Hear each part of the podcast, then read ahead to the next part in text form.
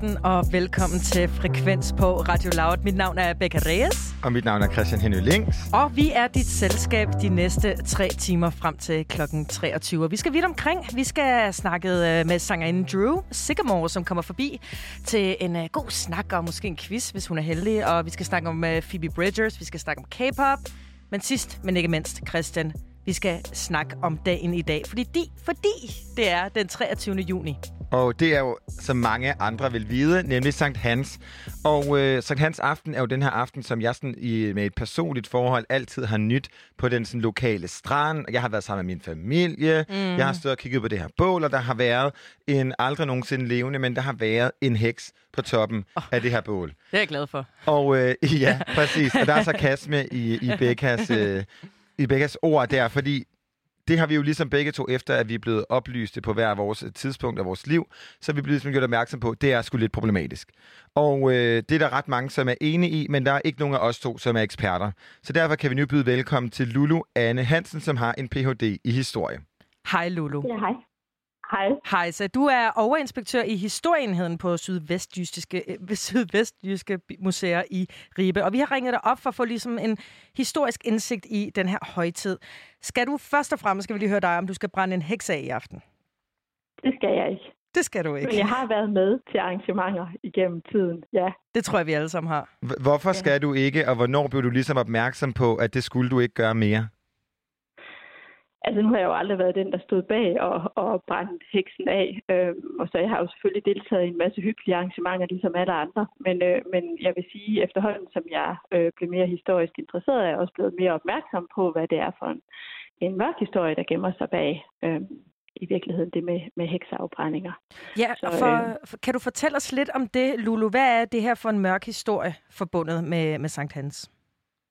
Jamen altså helt kort, så handler det jo om, at øh, der var en periode, øh, man taler normalt om cirka 1500 til 1700, hvor, øh, hvor hvis man skal sige, heksefeberen greb Europa, og, øh, og man var utrolig bange for, øh, for hekse, øh, og gjorde meget for at, og, øh, at skille sig af med det. Og, øh, og det galt jo også Danmark, øh, særligt i renaissancen, hvor der blev henrettet øh, omkring 1000 mennesker, øh, ved vi, der er sandsynligvis flere, øh, som hekse eller troldfolk, som det hed dengang. Men er vi, Så, en, øh, men er vi enige om sådan rent historisk, at en heks ikke er, hvad vi forbinder med sådan Halloween med en øh, krum næse og en hat? Det der med sådan, at øh, hekse på den tidspunkt, og måske også de mennesker, man valgte ligesom at og øh, myrde Stemple, på den her ja. måned, måde, øh, var lidt bredere. Altså, det var vel også bare generelt folk, som måske havde lidt en alternativ tilgang til livet. Øh, ja, og når du siger alternativ tilgang, så kan det jo være et mere eller mindre bevidst valg. Altså, øh, hvis man taler om den typiske øh, øh, heks, så i hvert fald for danske forhold, øh, også det meste af Europa, så var det jo en kvinde, øh, og tit en fattig kvinde, som øh, kunne være enke eller øh, uden fast bopæl, som levede sådan lidt på kanten af samfundet. Nogle af dem har givetvis også praktiseret noget, øh, noget øh, helbredende øh, magi på en eller anden måde, og har tjent deres penge på den måde. Men mange af dem har også bare tækket, og, og hvis vi skal være sådan lidt, øh, øh, lidt øh, stridet, så sige, at de har været rigtig trælse for deres lokalsamfund, fordi de er gået rundt og har plaget og øh, bedt om ting, og måske ikke altid lige taget det pænt, når, når de bliver afvist. Så, øh, så det har været sådan en blanding, men, men helt grundlæggende, at det var, det var oftest kvinder, der levede på, på kanten af samfundet. Og hvor kommer den her øh, Sankt Hans-tradition egentlig fra, og hvem er Sankt Hans? Ja, det er jo så noget øh, helt andet, men, øh, og, og der kan man sige, at det er jo så det netop det interessante, at, øh, at der er ikke så nogen umiddelbar kobling. Altså det her med at have plus, det er jo en gammel tradition, som man også brugte til at holde ondt væk. Øh, men, men det er jo ikke sådan specifikt øh, knyttet til, til hekse. Øh, og så er man så senere, det er en tradition, der kommer fra Tyskland, hvor man egentlig puttede en halmdukke på bålet, som så og der er lidt diskussion om, hvor det kommer fra, men, men som så efterhånden er kommet til at, at repræsentere denne her, øh, den her heks. Og når man taler om heksen på Sankt Hansbålet, så er vi måske netop ude i at tale om den der lidt mere eventyragtige figur. Mm. Den der med den krogede næse og den spidse hat, som vi jo også tit klæder, klæder dukken ud. Så der er det ligesom sket sådan en, en fortolkning i eftertiden af, hvad det er, vi har med at gøre. Lule, nu kan jeg ikke lade være med at drage lidt en parallel til, hvad der er, der sker lige nu. Fordi nu er vi jo begyndt øh, altså, offentligt i, i samfundet og i mange forskellige lande også at, at, at stå til regnskab med, hvem det er, vi putter på, øhm, på vores statuer eller i det offentlige rum, og hvem er det, vi glorificerer tilbage i historien. Og jeg kan ikke lade være med at tænke på, når du siger, at man laver, så laver en, øh, du ved, eller hvilket vi har set alle sammen som børn især, øhm, at man laver versioner af de her hekse, som man brænder af. Hvad, hvad er der det her behov for at vedligeholde en, en, en tradition, som egentlig er ret makaber? Altså, jeg tror, at øh, det er jo en integreret del af, af sådan øh, dansk kultur på mange måder. Det er jo noget, som jeg selv har været med til at fortælle. Nu har vi, jeg har en skotsk mand, og, øh, og det der med at fortælle, jamen det 23. juli, der, øh, der skal vi ud og hygge os og brænde bål og lave snobrød osv. Jamen det er noget, som, som folk faktisk sikkert mange i hvert fald betragter som sådan, sådan typisk dansk. Øh, det er med i Shubiduras øh, version af, af, af Midsommervisen. Og det er ligesom alle mands eje, så, så, så det er også svært at give slip på noget, som man forbinder med noget hyggeligt og noget godt. Men, øh, men det er bare rigtig vigtigt at, at huske på, at, øh, at det repræsenterer jo altså også en, øh, en periode af, af historien, som, som, som vi ved at blive ved med at praktisere det her, også er med til at skubbe i baggrunden, eller ligesom øh, ikke anerkender. Uden tvivl. Øh, men nu siger du det her i forhold til sådan hekseforfølgelsen. Hvordan har vi nogen tidspunkt i sådan den danske historie for, hvornår vi begyndte at gøre det i Danmark? Altså, hvornår vi begyndte at brænde øh, hekse af sådan ja. rigtigt, eller ja, altså øh, de første, der er vi sådan helt tilbage til 1540'erne deromkring. Øh, men så får vi jo en lov i 1617, der gør, at, øh, at øh, der bliver nogle ret klare juridiske rammer omkring det. Og der kan man sige, at i årene efter den lov, der har vi, øh, vi har faktisk haft en medarbejder til at regne på det. Og der kan vi sige, at der er det faktisk hver femte dag, at, øh, at man brænder en, øh, en heks i, i Danmark. Hold da op. Det var mange. Så Hvor... det er meget koncentreret i en, øh, i en kort periode. Hver femte dag? Det, øh, altså, hvis man lægger ja, ja. ud på, ja. Og hvornår stoppede man så med det? Jamen, den sidste heks i Danmark blev brændt i 1693. Okay. Ja. Ja. Og hvordan... Det, det lidt specielle er jo, at man faktisk stadig havde loven, der gjorde det muligt at, øh, at henrette hekse helt frem til, øh, til øh, straffelovsrevisionen i 1866. Okay, så det, så det har kunnet lade sig gøre ja, i, lovligt. I teori. Lulu, kan du høre os? Det kan være, der er lidt... Åh, oh, der var du næsten. Er jeg væk? Nu er ja, du der nu igen. Er du der. Nå, det var godt. Men lige her til sidst, uh, Lulu, lige for uh, at runde den her snak om hekse af. Uh, sy- hvad er din holdning til det der med at, at have en figur stående på, på, uh, på et bål til Sankt Hans? Synes du, uh, synes du den går i dag? Øhm, altså jeg må sige, jeg, jeg har det ikke selv super godt med det. Det er ikke sådan, at jeg øh, går rundt og føler mig utrolig krænket over, at der er nogen, der gør det, men, men der er flere grunde til det, øh, og en af dem er, at vi jo stadigvæk i dag har øh, en gruppe øh, i samfundet, der identificerer sig som hekse.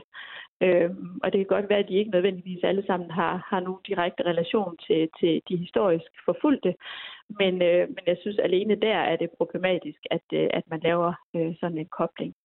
Øh, så er der nogen, der har peget på det der med, jamen, vi kan sagtens blive ved med at, at brænde den her heks, og så bare ligesom bruge det som, som en mindehøjtidlighed over, øh, at det var det, vi gjorde. Men, men jeg tror ikke, der er nogen af os, der kan se sig fri for bare at forbinde det med noget hyggeligt og noget øh, øh, familiesamvær og sådan noget. Så jeg ved ikke rigtig, om, om det er meningsfuldt at lave, øh, lave sådan en omfortolkning af, af, af den begivenhed. Ikke desto mindre, så vil vi sige tusind mange tak for øh, den lille sådan, historieteam. Det var første gang her på musikprogrammet Frekvens på Radio Loud, at vi lige fik øh, den. Og øh, Tak fordi du var med, og en rigtig god Sankt Hans aften. Tak i lige måde. Becca, jeg kan ikke lade være med at, øh, at tænke, hvad, hvad, er- hvad, hvad er dit personlige standpunkt?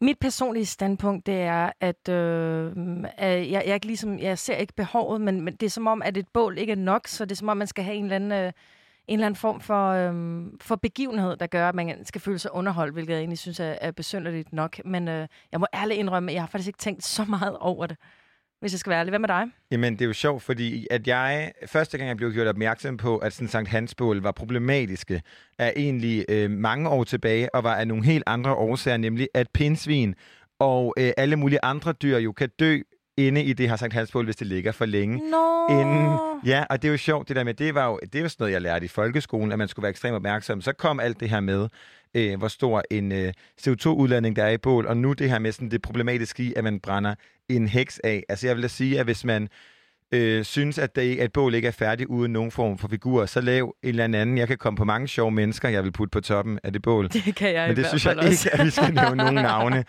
Eller så øh, tegn en sol eller noget andet, du elsker og vil sende op, ikke? Ja, det synes jeg lyder som en, øh, en rimelig godt alternativ. Og vi tænkte, at det var rimelig passende, også at vi lige hørte Princess Nokia her med nummeret Brujas.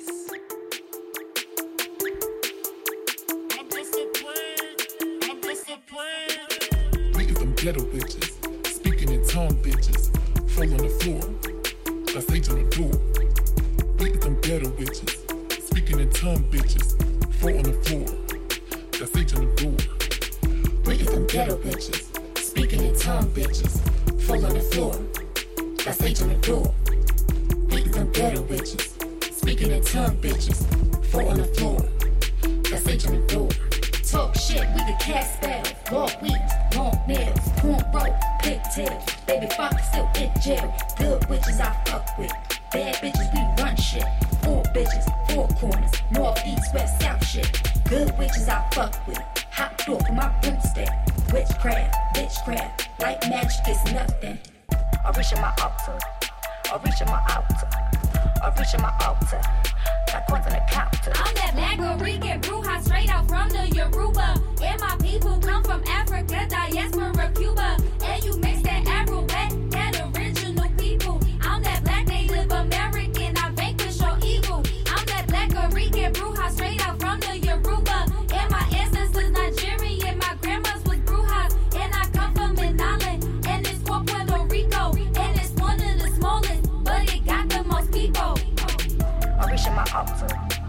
I reach in my altar.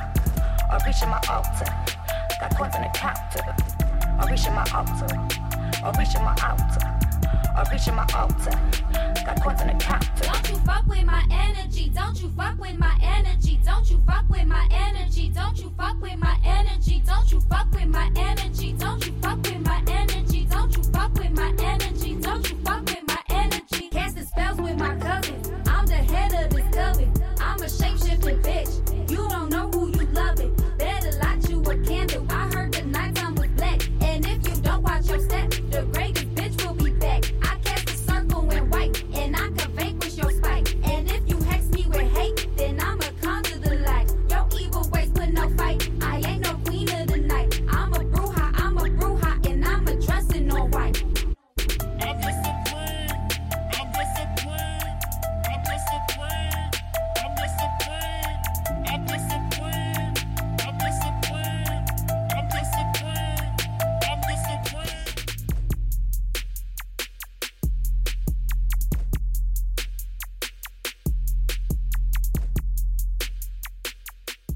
Det, du lytter til her, det er Princess Nokia her med nummeret Brujas.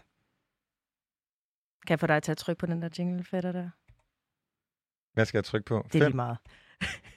Det virker ikke. Det virker ikke. Ikke desto mindre, så skal vi fra en amerikansk kunstner til en anden, nemlig amerikanske Phoebe Bridgers, som var med øh, over telefon til en to timers Pitten special om hende, hvor Alexandra Milanovic er vært. Og det er på det her program her på Radio Loud, som hedder Pitten. Her undersøgte Alexandra Milanovic, hvordan Phoebe Bridgers udtænker at performe det nye album, hvem hun er som koncertgænger, og selvfølgelig hendes fanunivers. For hun er en live-performer i særklasse, og et af de elementer, som publikum fremhæver, når de har set hende live, er nemlig hendes sådan, unikke måde at kommunikere med publikum på. Det diskuterer Alexandra Milanovic og Phoebe Bridgers her.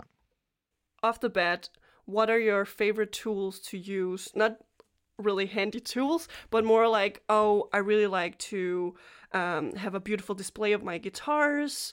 Um, they are behind me, or everyone's uh, in costumes, or the light has to be a little bit like cozy. Like, what what are your favorite tools to make the perfect Phoebe Bridgers live set?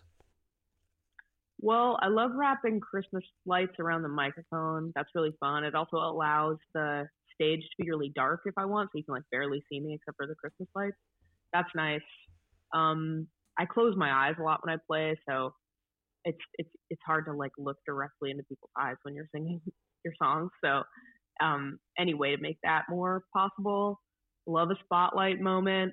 I love laying on the ground, just kind of like rolling around. That's really fun. I love leaning on my drummer. Um, I love what else? Yeah, I love a good lighting situation. Um, we tour with this guy named Spike, who's really a true artist. And I have uh, tried to examine your live shows. Uh, unfortunately, I haven't been able to see you live yet, uh, Phoebe. But a lot of my friends and colleagues have seen you, uh, for example, here in Copenhagen, where you have played at the Vega venue.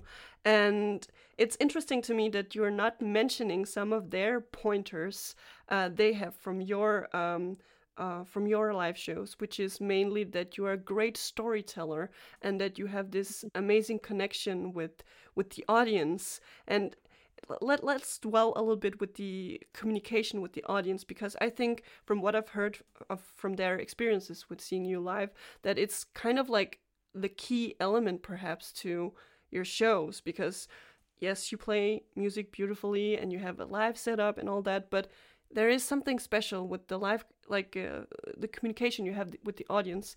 Can you explain a little bit about that i do feel pretty comfortable on stage talking to people um sometimes like at the end of a tour i feel like i'm really good at stage banter right in the beginning it's kind of hard because i'm so nervous to play the songs but once i can kind of forget about that it's second nature to me it's really fun to yeah, so like I, I started doing a thing where I would embarrass everybody on stage. So I'd say, you know, this is Emily Retzes on bass. Her celebrity crush is Alec Baldwin. Uh, this is Marshall War on drums. He doesn't wear underwear. True story. Um, this is Harrison Whitford. He gave me scabies in 2014. That's true. Um, this is Nick White, and his favorite song right now is from the movie Hercules uh, yeah, I like roasting people. It's really fun. But why is it important to you to show that side of not only your band members but also yourself when you are interacting with the audience during a live set? Maybe it's because of how much I like it when other people do it when I see them live. I don't I don't really like self-serious shows. It feels just like like you're like no matter what you do, you're kind of not important. Like the person would be playing the same show if they were just in a practice space. So um, I like kind of breaking up the monotony of like a bunch of sad songs in a row with, you know, trying to talk to people. So now we have been examining what is happening on the stage when you're performing, Phoebe. But there's also something happening before and after a live set. Can you take us in the moment in the moments before you go on a live set? What is happening in your head? um, I actually love to be nervous. I'm rarely nervous. If there's like another thing happening, like you know, someone I really respect is at a show, like an uh, an entire other band, maybe that'll make me nervous. Um, or a film crew for some reason is there, that'll make me nervous. But I love that feeling. There's kind of nothing worse to me than kind of feeling like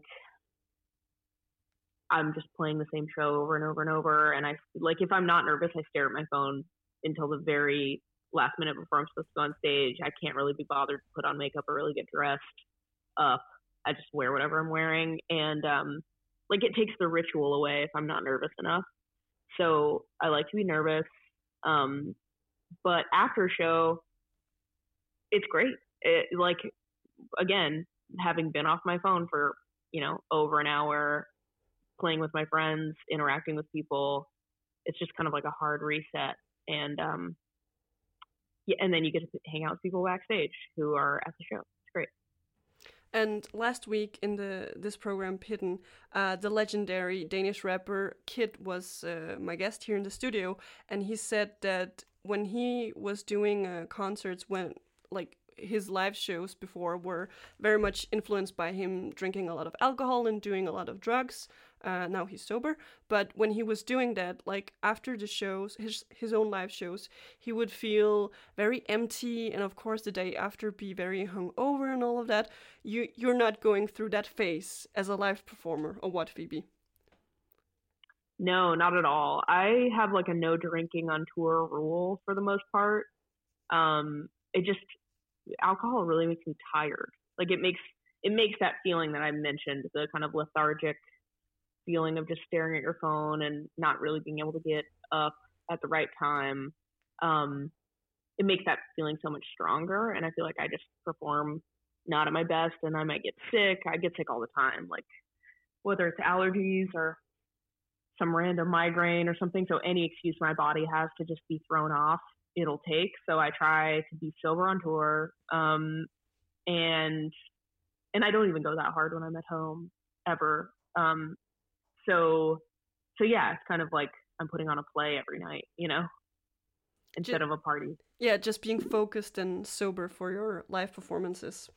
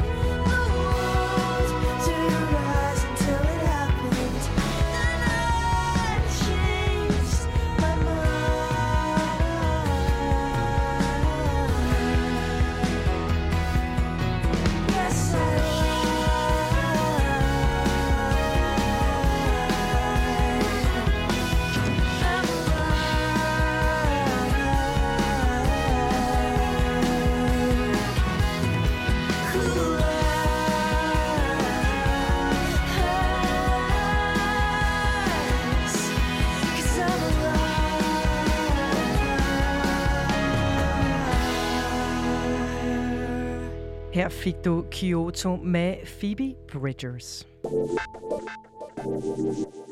Da vi kørte hjem i går, var byen malet rød på bedste. Bliver det kærvis, Becca? Det øh, oplevede du vel også, da du cyklede hjem, ikke? Ja, hele Christiansborg var øh, simpelthen plastret til med rødt lys, øh, og jeg, jeg troede, at øh, det var... Øh, jeg tænkte, at åh oh, nej, nu skal vi i krig eller noget, men, øh, men da jeg kom så tættere på, så kunne jeg se, at der var skrevet noget, øh, noget tekst på. Jamen, og øh, det var både, altså det var både Christiansborg og Søerne, men det var også flere steder, blandt andet også Atlas i Aarhus, og det skyldes, at den danske livebranche er i dyb krise oven på mere end tre måneders tvungen nedlukning grundet den her coronapandemi. Ja. Og øh, selvom at det nu også er blevet tilladt at afholde siddende koncerter, så er det simpelthen ikke nok.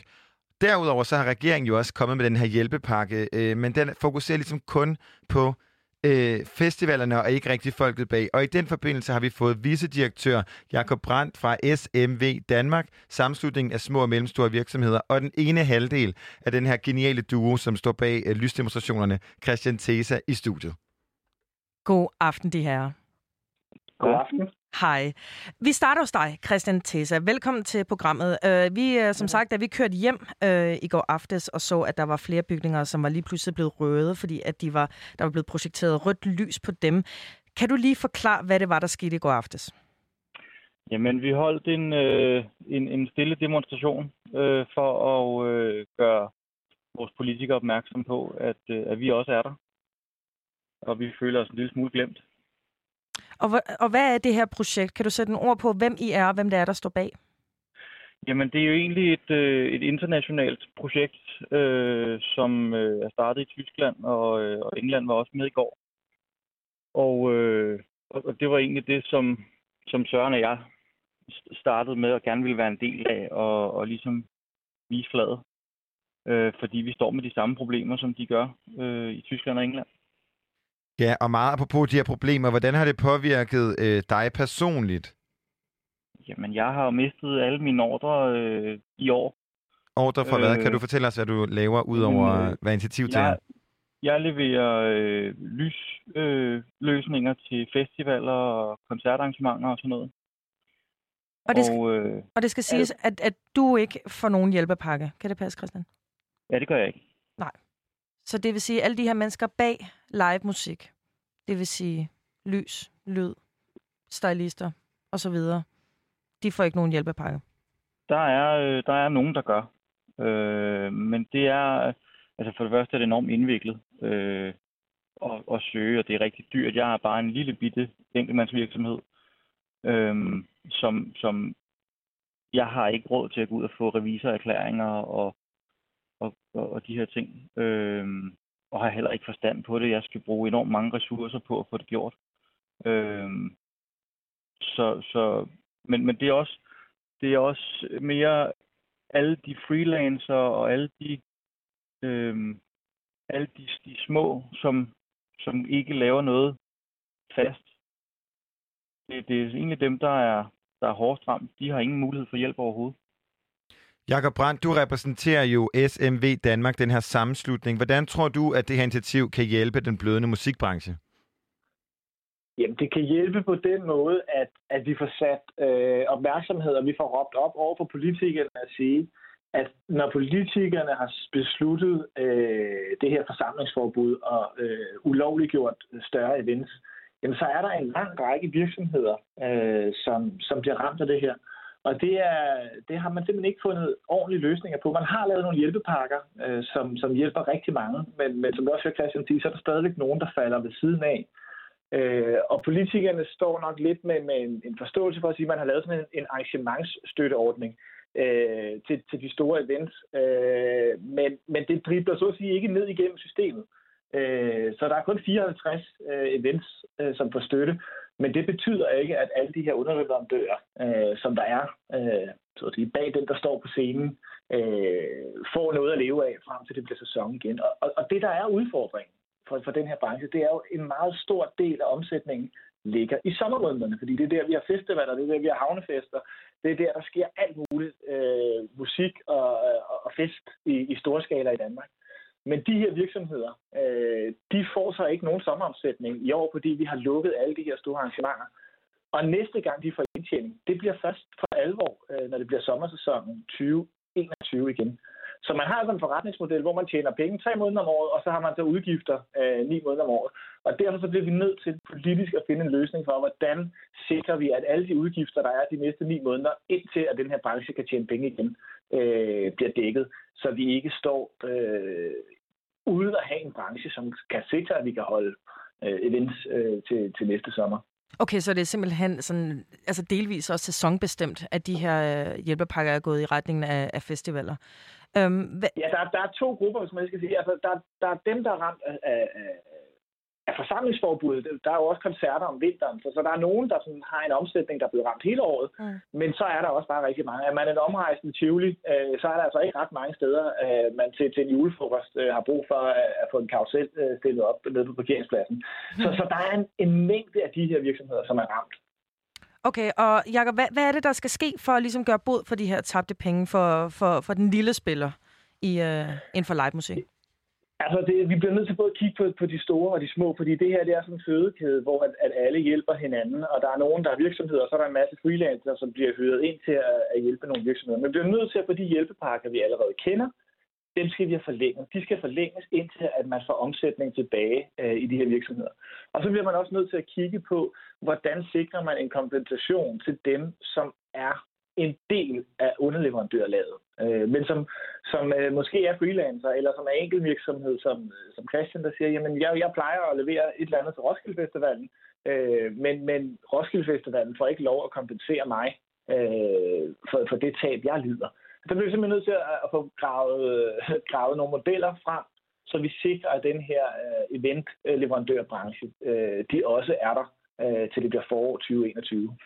Christian Tessa, øhm, som vi også har med på en telefon. Hvad, øhm, hvad, hvad med dig som, som enkeltmandsfirma? Hvad, hvordan ser udsigten ud for dig? Jamen, det ser rigtig skidt ud. Det gør det. Øh, der er ikke de store chancer for, at jeg overlever. Så der skal tages nogle øh, initiativer fra politikernes der. side. Ja. Det skal der. Og meget apropos de her politikere, hvad øh, håber du, Christian, personligt? Vi kan også tage dig bagefter, Jakob Brandt. Men hvad håber du, Christian, som, øh, som virksomhed, at politikerne indser med den her demonstration? Altså, hvad er det, I gerne vil have, de skal gøre anderledes? Og øh, jamen, jeg vil bare gerne have, at de øh, erkender, at vi også er der.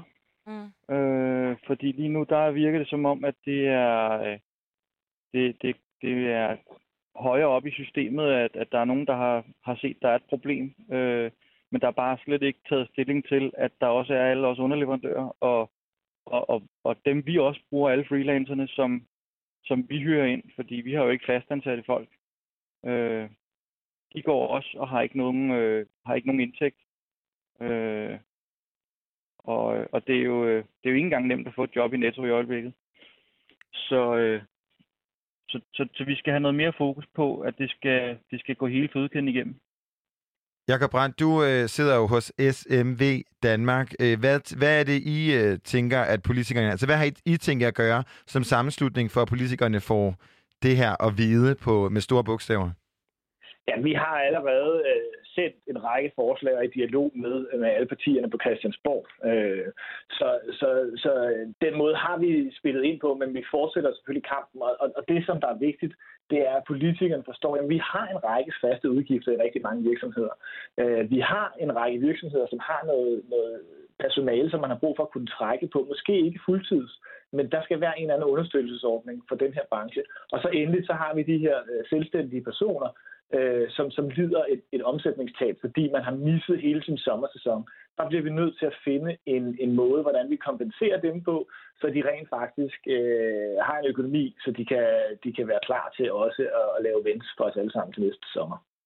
Det lyder øh, som en plan. Øh, her til sidst, Jakob, vi starter med dig. Hvad kan vi som individuelle musikelskere, som, som elsker at gå til koncerter og virkelig gerne vil vedligeholde den her kultur for live musik, der findes i Danmark, er der noget, vi kan gøre? Er der nogle fonde, vi kan donere til? Hvad, hvad gør man som borger?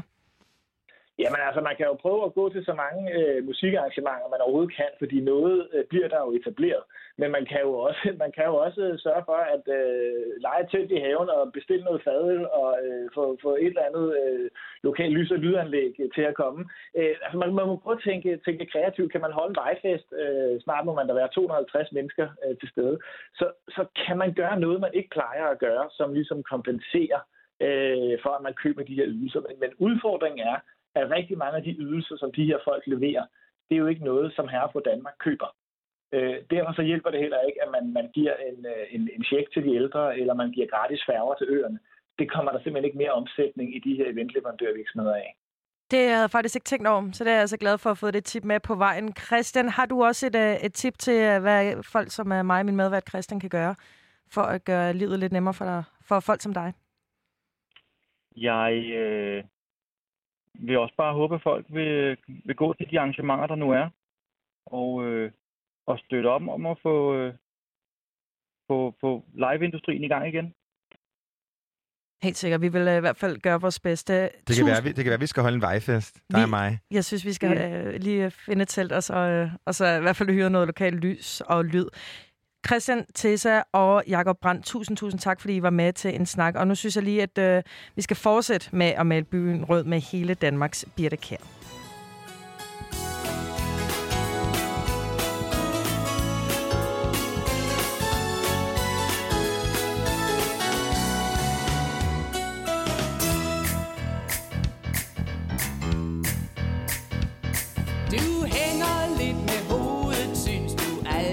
Alt er gråt gråt. Ja, jeg kender jo turen, det er klart,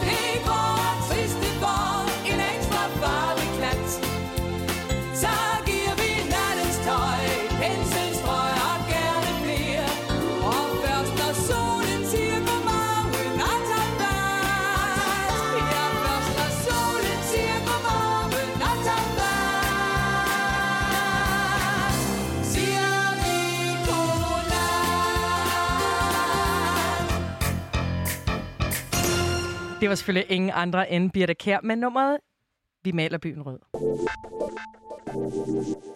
Christian, vi har fået en gæst i studiet. Ej, hvor er det dejligt at have dig herinde. Hej. Det er så hyggeligt.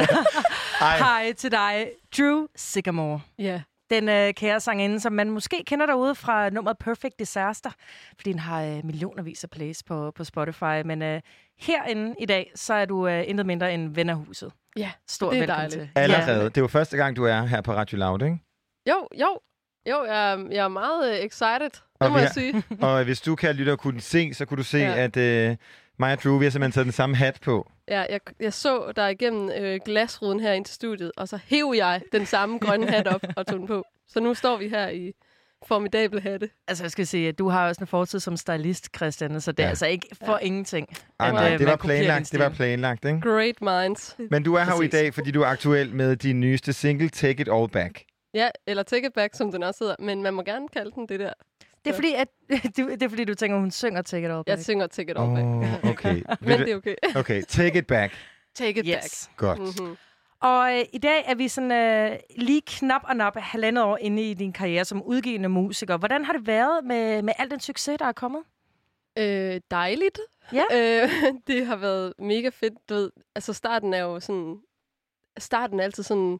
Åh, er man købt eller solgt? Mm. Og, og det var faktisk, da jeg udgav min anden single, Hard to Love, den blev ugens uundgåelig på P3, og det var altså det sindssygeste at få, fordi det er stadig sådan et, sådan en, et hak i bæltet, ikke? Øhm, men derefter, der oplevede jeg meget sådan en, øh, at jeg begyndte at gå i studiet og skrive musik med frygt, fordi lige pludselig så var jeg meget opmærksom på, at folk skulle høre det, jeg lavede. Og det var bare sådan, det var bare den største writers block i mit liv, og okay. var sådan helt, det var derfor, der gik så lang tid fra min anden single til tredje single, som var 28. Øh, fordi at jeg skulle lige lære, hvordan det var, jeg skulle være artist. Og, og også, hvordan taler man med folk i radioen om sig selv, hvis ikke man ved, hvem man selv er. Ja. H- Hvordan fandt du ud af det? Hvad gjorde du? Øhm, jeg tænkte rigtig meget, øhm, både sådan på, hvad, hvad vil jeg egentlig gerne med mit liv, og hvad er jeg her for? Øhm, hvad kan jeg godt lide ved mig selv? Øhm, og det der med at komme ind til kernen af, hvem, hvem er jeg, og hvad kan jeg give til folk? Det var, det, det var en rejse, og det tog lige nogle måneder. Også nogle måneder, hvor jeg sådan tænkte, jeg dropper det hele. Og, øh, og sådan, åh, jeg må bare arbejde 24 timer i døgnet og Ja. få det til at ske. Øhm, men, men jeg kom ligesom lidt mere frem til, hvem er jeg øh, for de mennesker, som er tættest på mig, øh, min familie og mine bedste venner. Når jeg taler med dem, hvad er det så, jeg taler med dem om?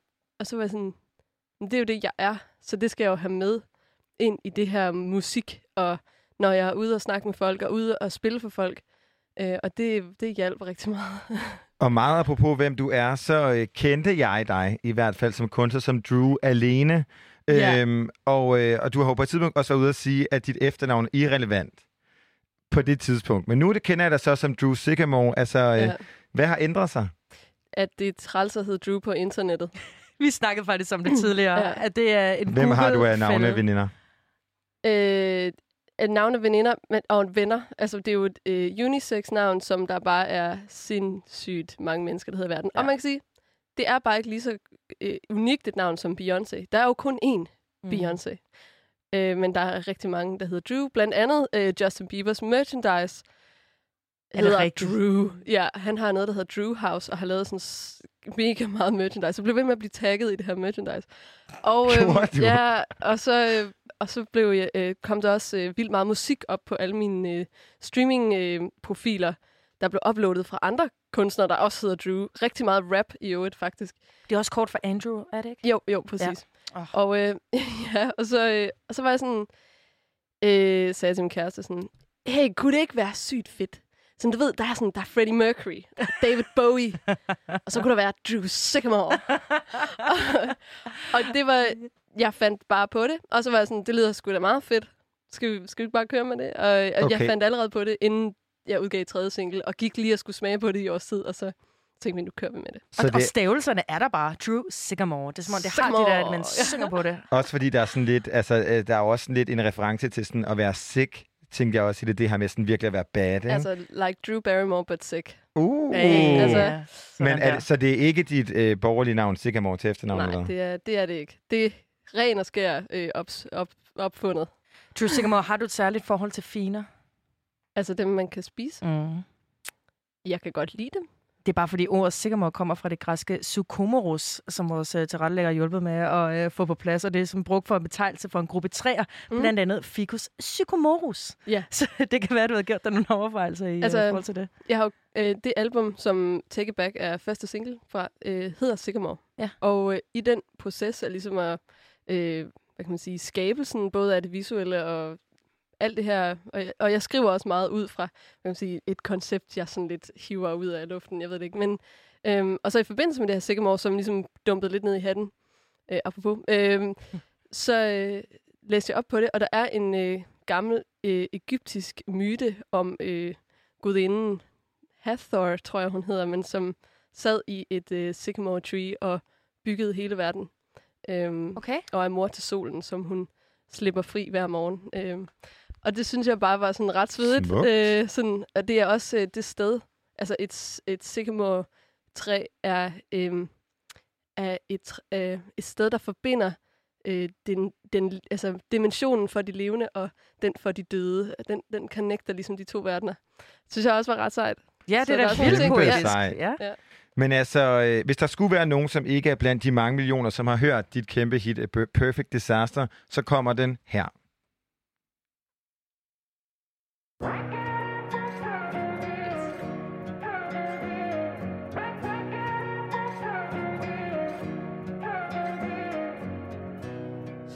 Russian roulette with five bullets.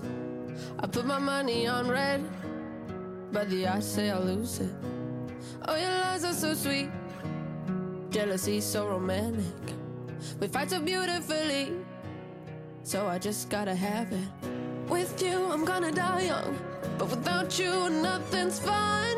And I know that I should run, but I put my money on red. With you, I'm gonna die young. The heart wants the things it wants. You know that you should run, but you put your money on red.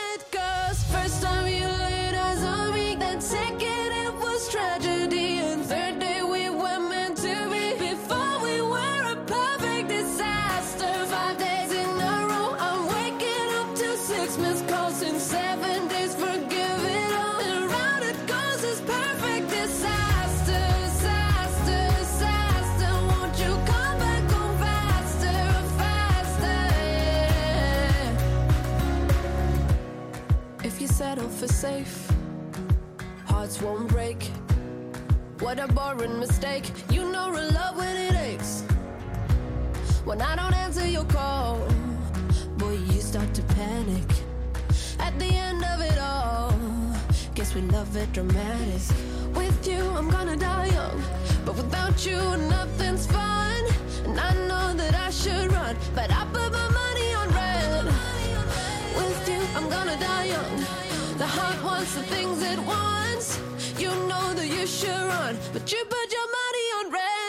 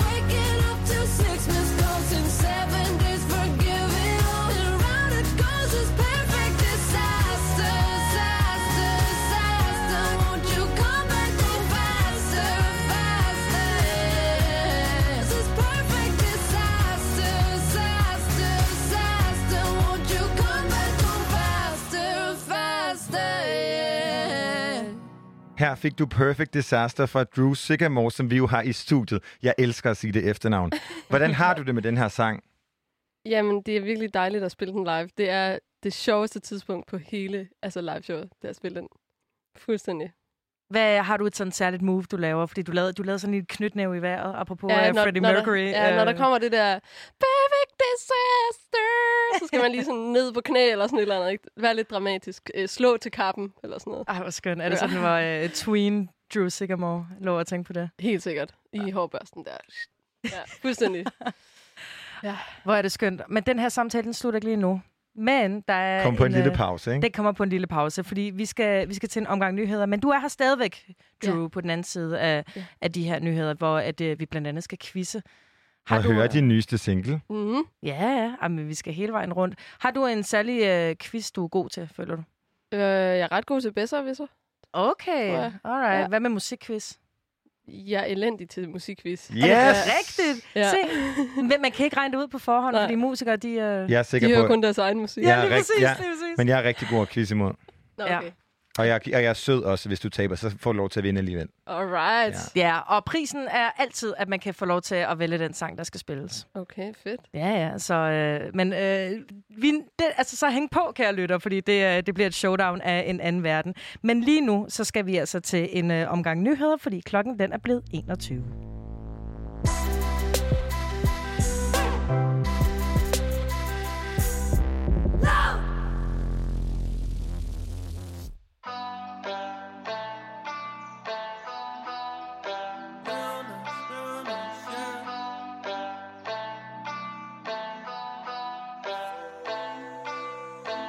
Someone said I had it, someone said I had it real nice. Someone said I didn't, someone said I didn't think twice. Someone said I lost, someone, someone sent me off. Yeah, no one ever thought of how I pulled it all off.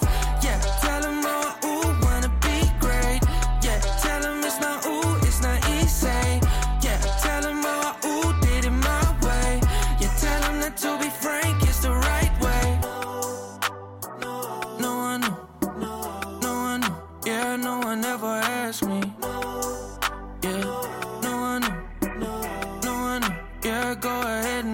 me. Oh, babe, you should go ahead and ask me. Yeah, oh, babe, you should go ahead and.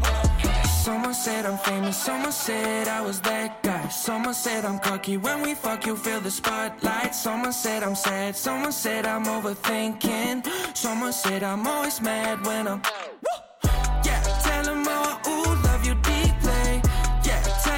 Much, ooh, it's not easy. Yeah, tell them all, ooh, came from dark days. Yeah, tell them that's why I, ooh, wear off white shades. No one knew, no one knew. Yeah, no one ever asked me. Yeah, no one knew, no one knew. Yeah, go ahead and ask me. Yeah, oh, baby, you should go ahead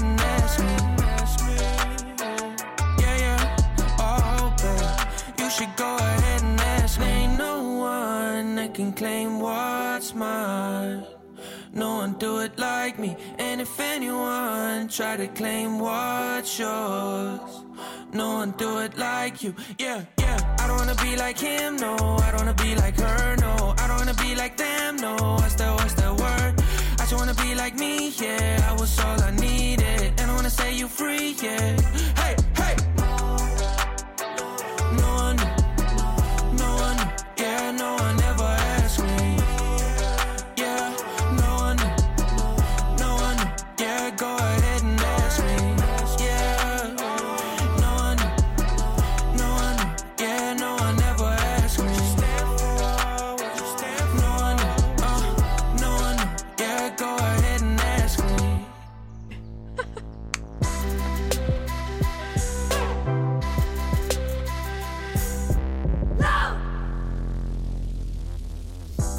Velkommen til Frekvens her på Radio Loud. Musikprogrammet, hvor vi er vidt omkring, snakker med kunstnere, snakker med artister, snakker med folk rundt om musikken og opdaterer dig på det nyeste nye. Mit navn er Becca Reyes. Mit navn er Christian Henning Links. Og vi har en gæst i studiet, Christian. Ej, det er simpelthen så dejligt.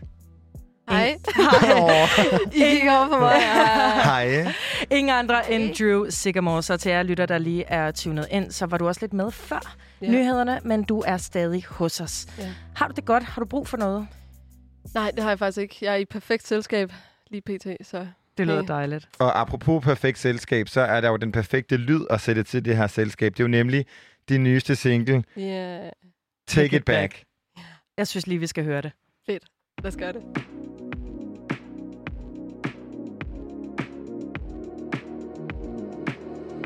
You should take it all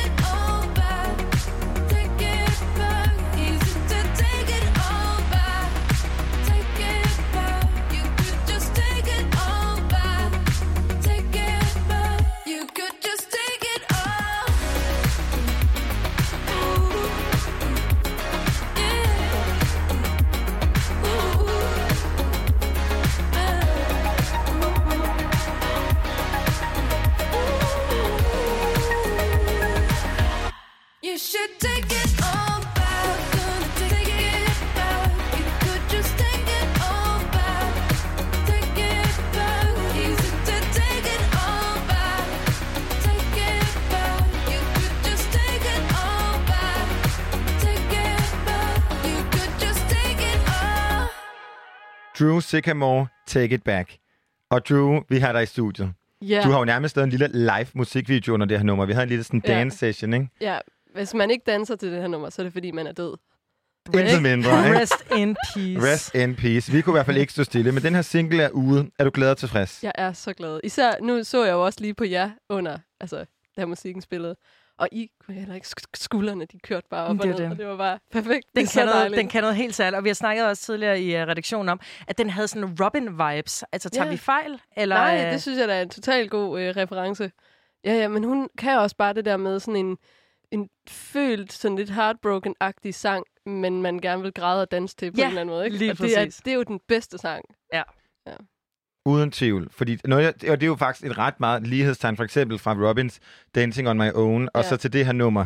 Hvis man tager bare lydsiden af begge to, så bliver man jo i sygt godt humør. Men når man lytter til dem, så kan man godt mærke, uh, der er noget under overfladen, ikke? Ja, ja det er sådan Og øh, apropos den her lyd, så kunne jeg egentlig godt tænke mig at vide, hvordan sådan, din lyd har udviklet sig fra dit album Brutal, og også særligt fra øh, Perfect Disaster, som vi hørte inden nyhederne. Mm.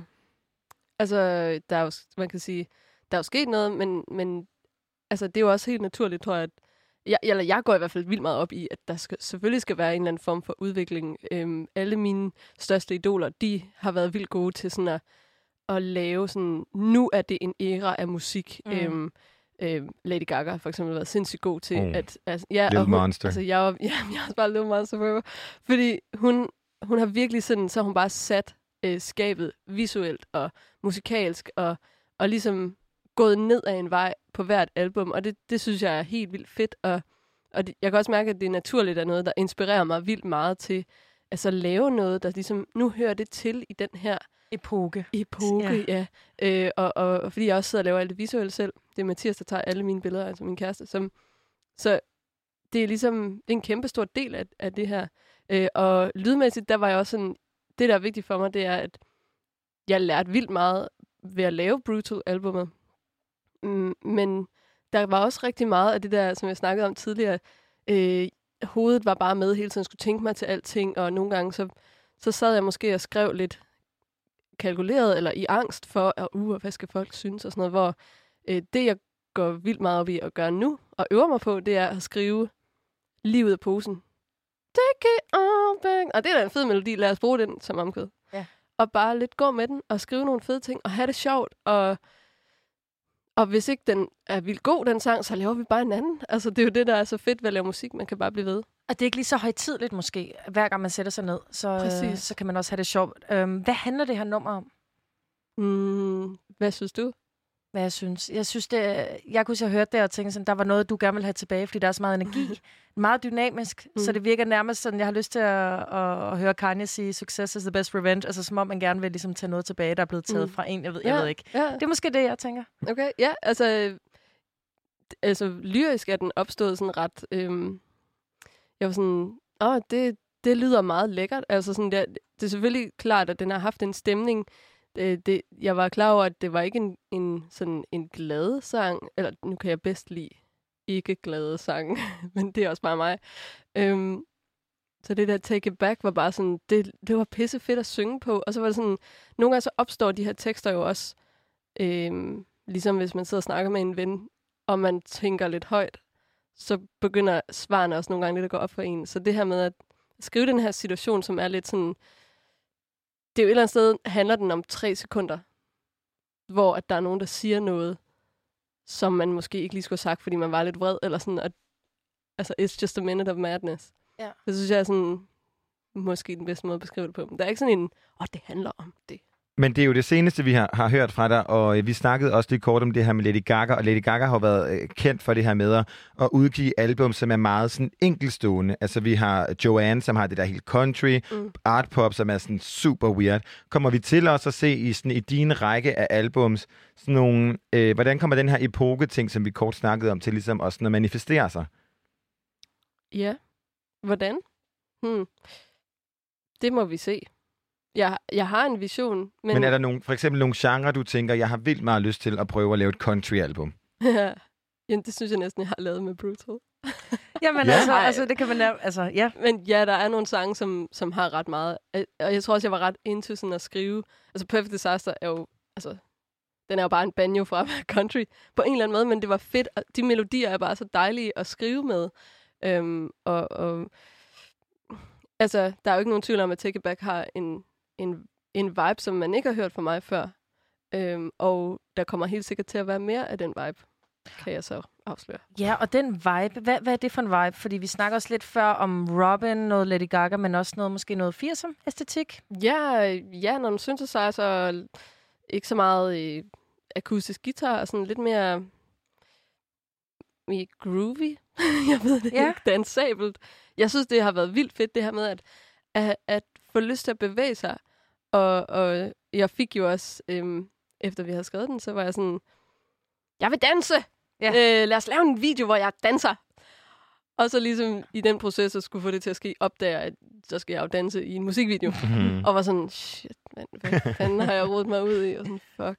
Øh, tænker, jeg må hellere ringe til en koreograf og lige få styr på det her shit, før jeg begiver mig ud i, at der er kamerahold og sådan noget. Øh, men det, som var det primære for mig, var, jeg har en krop, den kan danse, også selvom jeg ikke er danser. Og det gad jeg godt at lave.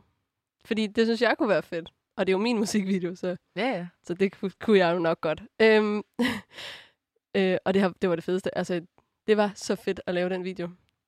Ja.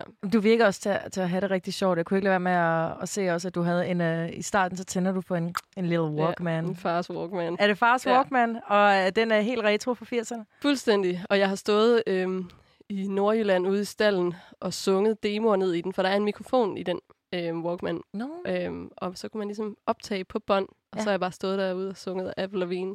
Why do you have to go Er det rigtigt? Så Jeg har alle båndene derhjemme. Okay, så der er et forhold til den Walkman. Ja, det er der bare- faktisk, Ja, okay. Ja. Og så, og så generelt 80'er-æstetik, det, det har du sat dig øje for nu her. Men jeg, er det er ikke noget, jeg sådan... Jeg tænker ikke vildt meget over det. Det er klart, jeg, jeg arbejder sammen med øh, Frederik og Fridolin øh, Nordsø, som har lavet vildt mange ting, I sikkert alle sammen kender. Men jeg gider ikke ramse det op. øhm, og Nu handler det om De har dig. lavet Drew Nu handler det jo om mig. Mm.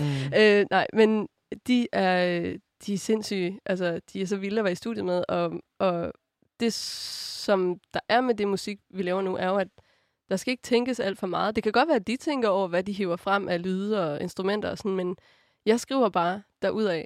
Øhm, og jeg, jeg er vild, altså, jeg elsker jo Whitney Houston, for eksempel. Hun er jo mit sådan, vokal-ikon, øh, og som jeg har øvet mig sygt meget til. Og ikke, at jeg nogensinde kommer til at synge som Whitney Houston, så synes jeg bare, der er noget, den der 80'er vokal, sådan, yeah, og sådan noget, det synes jeg bare er så fedt. altså, så, Ja. ja. og noget gated snare og sådan noget, det er da også, altså, Men det er, er der sådan en eller anden øh, 80'er-barn boende inde i øh, Drew Sycamore?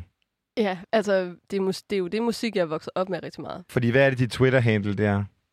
Uh, retro Drewski. Så der er, det kunne du ikke løbe fra. altså, ja, jeg, jeg kan godt lide det retro. Jeg Men- Men... har også, altså, 70'er, 80'er, 60'er. nu er vi jo 2020, og du har udgivet øh, singlen Take It Back, hvor at til musikvideoen, vi lige kort snakkede om, og jeg kunne, det første, jeg så fra allerførste sekund, og nu går vi måske også ned i sådan lidt nørdet, men min yndlingsmusikvideo ever er jo Eric Pritz, Call on Me. Ikke? ja. Ja, og øh, der skulle man tro, at jeg ikke var fra 94, men fra 74. Men jeg er fra 94, så jeg har måske bare forældre, som har nørdet 80'erne lige rigeligt. Tak, mor og far. Jylland, ja, som du også. dejligt. Men øh, er der en lille homage til den, eller hvad, i Take It Back? Øhm, jeg har ikke tænkt så meget over ja, referencen. Der er vildt mange, der har sagt Flashdance. Ja, det var der i kommentarer på YouTube. Ja, og så gik jeg ind og tjekkede det ud, og så var jeg sådan, nå ja, helt sikkert. Og det, og det, der er så fedt ved hendes dans, det er jo sådan den der, det er fucking power. Altså, det, og det synes jeg, nu kan jeg sige lige, Call Me er meget sexet, ikke? Og det har jeg egentlig ikke. Det er su- super fedt, men jeg er... Og jeg er ikke sådan... Jeg tror ikke, jeg ser mig selv som sådan vildt sexet. Jeg synes, du var meget sexet i den Tak. musikvideo, Men, sige. men jeg føler, at det er også meget på min egen måde. Altså mine præmisser. Altså Ja. sådan, at... At, øhm, at Måske på sådan en 2020 Ja. samtykke måde. Ja. det er den faktisk den fedeste måde. Øhm, Call on me, pigerne. Har I Ja. fået løn? Ja. Er I okay? Let's not go there. Hashtag. Ja. Øhm, ja, ja, altså den her sådan øh, power, power sex.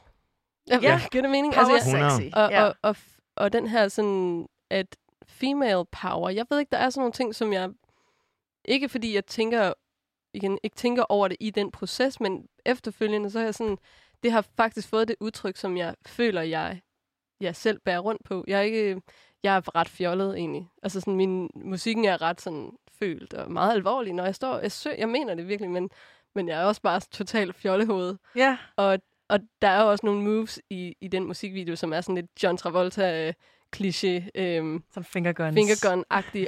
Og det, det var vigtigt for mig at, at have det med, øh, at mine egen fjollede powerslide-agtige moves, de var med samtidig med øh, P. Linde, som er f- koreografen på, øh, på videoen.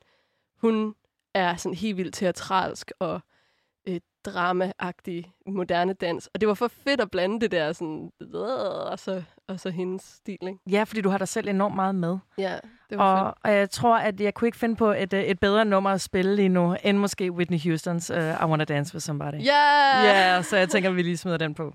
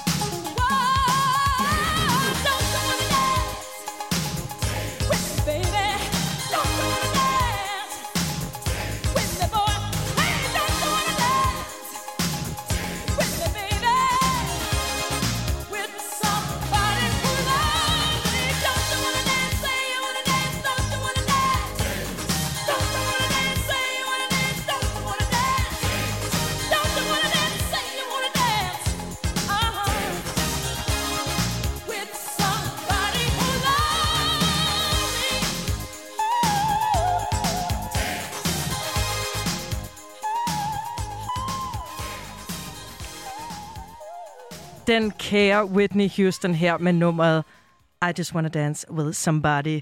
Drew Sycamore, Sycamore vi har dig i studiet. Velkommen til øh, endnu for fjerde gang. Og øh, hvad hedder det? Vi, øh, vi sætter det her nummer på, fordi du elsker Whitney Houston. Ja. Ja, og også fordi, at øh, din, øh, dit nye nummer, Take It Back, har en musikvideo, hvor du danser rundt i sådan en, øh, hvad der ligner en trikot badedragt Ja, ting, og nogle er- bærer- Bodystocking. Bodystocking. Bodystocking. Ja, præcis. Og du har en Walkman, så det havde bare lidt for mange 80'er referencer til, at vi kunne vi spille det her nummer. ja. Men uh, Drew Sycamore, hvornår kommer der et cover af den her banger, som jo er din, en af dine favoritter? Altså, den har vi lige hørt? Ja. Åh, oh, det er da en god idé. Ja, Prøv lige at overveje sådan en 2020-udgave, hvor sejt det kunne være. Ja, det er, altså, det er, man skal jo lige vare sig lidt, når man altså, laver et cover af en Whitney Houston-sang. Det er på en eller anden måde Ja. lidt ligesom at løbe kap mod uh, Usain Bolt. Så man skal Ikke? gøre sig umage. Jeg Det tror i hvert fald- sagde man gør så Men umage. jeg synes, jeg synes jo ikke altid, jeg, vi har snakket meget om covers her på Frekvens på Radio Loud, og jeg synes, at det, som vi altid kommer frem til, er det der med, at så længe man gør det med respekt, altså Ja. fordi, og man, og man tager den et andet sted hen. Ja. Øhm, Than a Woman, det remix, vi har, eller det cover, vi har snakket om mange gange. Mange vil ikke røre Alia. Nej. Og alligevel. Ja, det er simpelthen et nummer, du skal høre. ja. Øhm, Men altså, nu skal vi jo lige snakke lidt om dig, ikke? Ja, mere. For, lidt mere om dig. Det, du, man kan aldrig snakke nok om dig, synes jeg. Du har øh, mange gode pointer. Og jeg læste nemlig et interview, inden at øh, vi fik det her i studiet, hvor at du fortalte, at din far og dine venner har grint lidt af dig på et tidspunkt i dit liv. Nu bliver nu... Åh. Ja, åh. Har du fået bevist, at Drew Sycamore er en popstjerne? Øhm, ja, øh, ja, jeg ved det. Ja, altså, det tror jeg. Jeg er da helt klart sådan... Øh, nu gik jeg i musikklassen på gymnasiet, og... Øh, og øh, min Det var det bedste. Ja, Var det, det var det det? fedeste. Vi blev taget meget alvorligt. Det var så chill. Altså, sådan, vi fik bare fri timer for at lave musical hele tiden. Vi lavede ikke noget. Jeg gik på Øhm, hans gymnasiet, så jeg ved ikke, hvordan vi snakker. Wow. Nå, øhm, men øh, og der, det, det, jeg får ret mange beskeder af, at man bare sådan, du klarede den, og sådan noget. Det Nå. synes jeg er så sødt. Og min far, han er jo, altså jeg tror aldrig, min far, han har grint af mig. Jeg tror altid, han har måske været bekymret, fordi at for ham, så, så var det her med sådan en, en tryghed. Altså, han er oberst, ikke? Altså sådan, at han øh, være popstjerne, øh, eller lave musik og kunst og sådan noget, det var sådan, det er jo totalt gøjleragtigt. Um, og for usikkert? Måske, ja, måske den, ja, det tror jeg, jeg ved, jeg ved Mathias' forældre, min, min kærestes forældre, de har lidt samme sådan, øh, han laver også musik, og, og hans to brødre laver også noget kreativt, og jeg, og, og jeg ved ikke, om det er bare sådan en forældreting, at man ønsker, at ens børn skal have noget tryghed. Så min far, han, han er jo bare stolt af mig altid, hele tiden. Hvornår var, så, var der sådan et turning point? Altså, øh, var der et eller andet tidspunkt, hvor at, at du bare kunne mærke, nu er der ro på? Jamen, det var der faktisk. Var Øhm, der? Ja, det er, ret, det, er, det er en ret sjov historie, fordi øhm, jeg i, øh, i 2016 møder en, øhm, en ung fyr, der hedder Malte Ebert. Og, øhm, Ham kender vi godt som Ja. gulddreng, måske. og, øh, og vi mødtes, og vi havde det for fedt. Vi hang ud og sådan noget. Og så øhm, gik han og sang det her åndssvage omkvæd, som var sådan, jeg har det her omkvæd. Øh, er du model? Er du model? Vil du med? Og så var jeg sådan, det er det dummeste, jeg har hørt i verden, men lad os da bare skrive den sang. Så vi skrev model. Det var du med til? Det var jeg med til. Sådan, Drew. og jeg var bare sådan, og for den, den gik jo nummer et, to uger efter vi udgav den. Altså, det var jo sådan psykotisk, Boom. hvad der skete. Ja, det går Og jeg var bare sådan, hvad, hvad skete der? Altså, hvad er der sket? Og fordi vi havde jo bare en grineren eftermiddag i min lejlighed, og var sådan, lol, unique models, og sådan noget. Og det er jo noget... Ja, men anyways. Og, øhm, og det her med, at øh, jeg tror, at det var så bredt. Alle kendte bare den sang. Og så var det jo også noget hjem til, til Vilsom, hvor min far bor. Øhm, at den her sang, den var bare landskendt. Og det var sådan... Det, det var lige sådan, okay, fair nok. Det, det, Du kan godt. Ja, og så har jeg også, 1-0, øh, far. Ja, præcis. og så, så har jeg også skrevet en sang øh, med Medina, øh, som også er, det er sådan lidt Du sådan, kan ikke ah, sige én sang. Hvad er det for en sang? Det siger det ikke. Okay. Wow. Right, sådan. Den, øh, ja, og i øvrigt for sindssygt at få lov til at skrive en sang sammen med hende. Ja. Øhm, så, så der er ligesom sådan det der med, at jeg som sangskriver lige fik nogle ting på bordet, og så, øhm, og så da både Perfect Disaster og All the Things, de begynder at blive spillet på radioen. Altså det var sådan, jeg får jo, så får jeg sådan nogle øh, videoer altså, talebeskedsvideo, hvor han har prøvet at facetime mig, og han sådan er kørt ind til siden, og så, så filmer han sig selv, hører sangen Jeg dør. øh, på radioen, så sidder han sådan... Jeg dør. Mm, mm, mm, mm, og Nå, Pops, ja. og sender det til mig, og jeg er bare ved at græde hver gang, for det er så Det fucking sødt. forstår jeg da godt. Ja. Så øhm, Det er ægte support, det der. det er det bare. Ja. Men apropos at være stolt, så må øh, både din far og dine venner jo også være det nu, både fordi du har den fantastiske bagage af musik, men også fordi du annoncerede en efterårsturné. Og det var jo så på grund af, at dine koncerter blev aflyst tidligere på året. Ja. Men glæder du dig til den her efterårsturné? Nej, jo. jo, selvfølgelig gør det. Jeg har aldrig nogensinde glædet mig mere til at Det komme kunne ud og godt være, at du var bange for øh, verdenssituationen, eller du tog din forbehold, når du gjorde det, eller... Det ved jeg ikke. Altså, jeg, øhm, jeg siger jo, vi kommer ud. Vi kommer ud og spiller, uanset om I må lave moshpit, eller I skal sidde ned. Ja. Vi finder ud af det, øh, og vi må bade hinanden i sprit, og så spiller jeg den koncert, fordi jeg kan også godt lave en koncert, som er super fed, også selvom du sidder ned. Øh, så jeg skal nok finde ud af det. Øh, bare kom og lad os nu for fanden øh, spille noget musik. Og lige, st- jeg kan se det lige så stille begynder at være små arrangementer. Mhm. Og, og, ja, så og jeg, det er bare et grønt lys, så du kan give og jeg har lige udsolgt øh, Lille Vega. Ja, Tillykke. fik jeg ved i går, og jeg var bare sådan, hvad sker der? Altså, what is life? Ja. Det er for vildt. Så er det nu. Ja. Så man Det skal er da- altså til det- Odense, hvis man skal se det. Det er da så spændende. Er det så det samme live setup, som du havde planlagt uh, tidligere på året? Ja, det er det faktisk. Men ja. nu har jeg jo skrevet lidt flere sange. Okay. Så vi tager nok lidt nyt, nyt med os. Øhm, selvfølgelig Take It Back, men også måske lidt mere. Lidt mere Uh. lækkert. Ja. Uh, og det er med fuld band. Det er det. Ja. ja. Hvad er det, du glæder dig mest til ved de her koncerter? det er at møde folk. Altså sådan, at der er nogen derude, der, der har hørt de her sange, og som gider at komme. Altså, ja. Vi snakkede jo kort om Lady Gaga og det at være en little monster, som vi Mhm. begge to, måske også dig, Becca, identificerer os som. Hvordan er øh, sådan, uh, The Little Drews? De er Drew Crew. Drew Crew. Nej, hvor er det godt. Ej, hvor er det fab. Jeg elsker det. Wow, hvor er det Ha- godt hashtag. Drew Crew. Ja, hashtag Drew Crew. Jeg, har sådan, jeg lavede jo noget merchandise, fordi min tur blev aflyst, og så tænkte jeg, okay, der, der kommer nok aldrig noget tidspunkt i mit liv, hvor at jeg kan lave en t-shirt med en tur, al, hvor hele turen er aflyst og cancelled.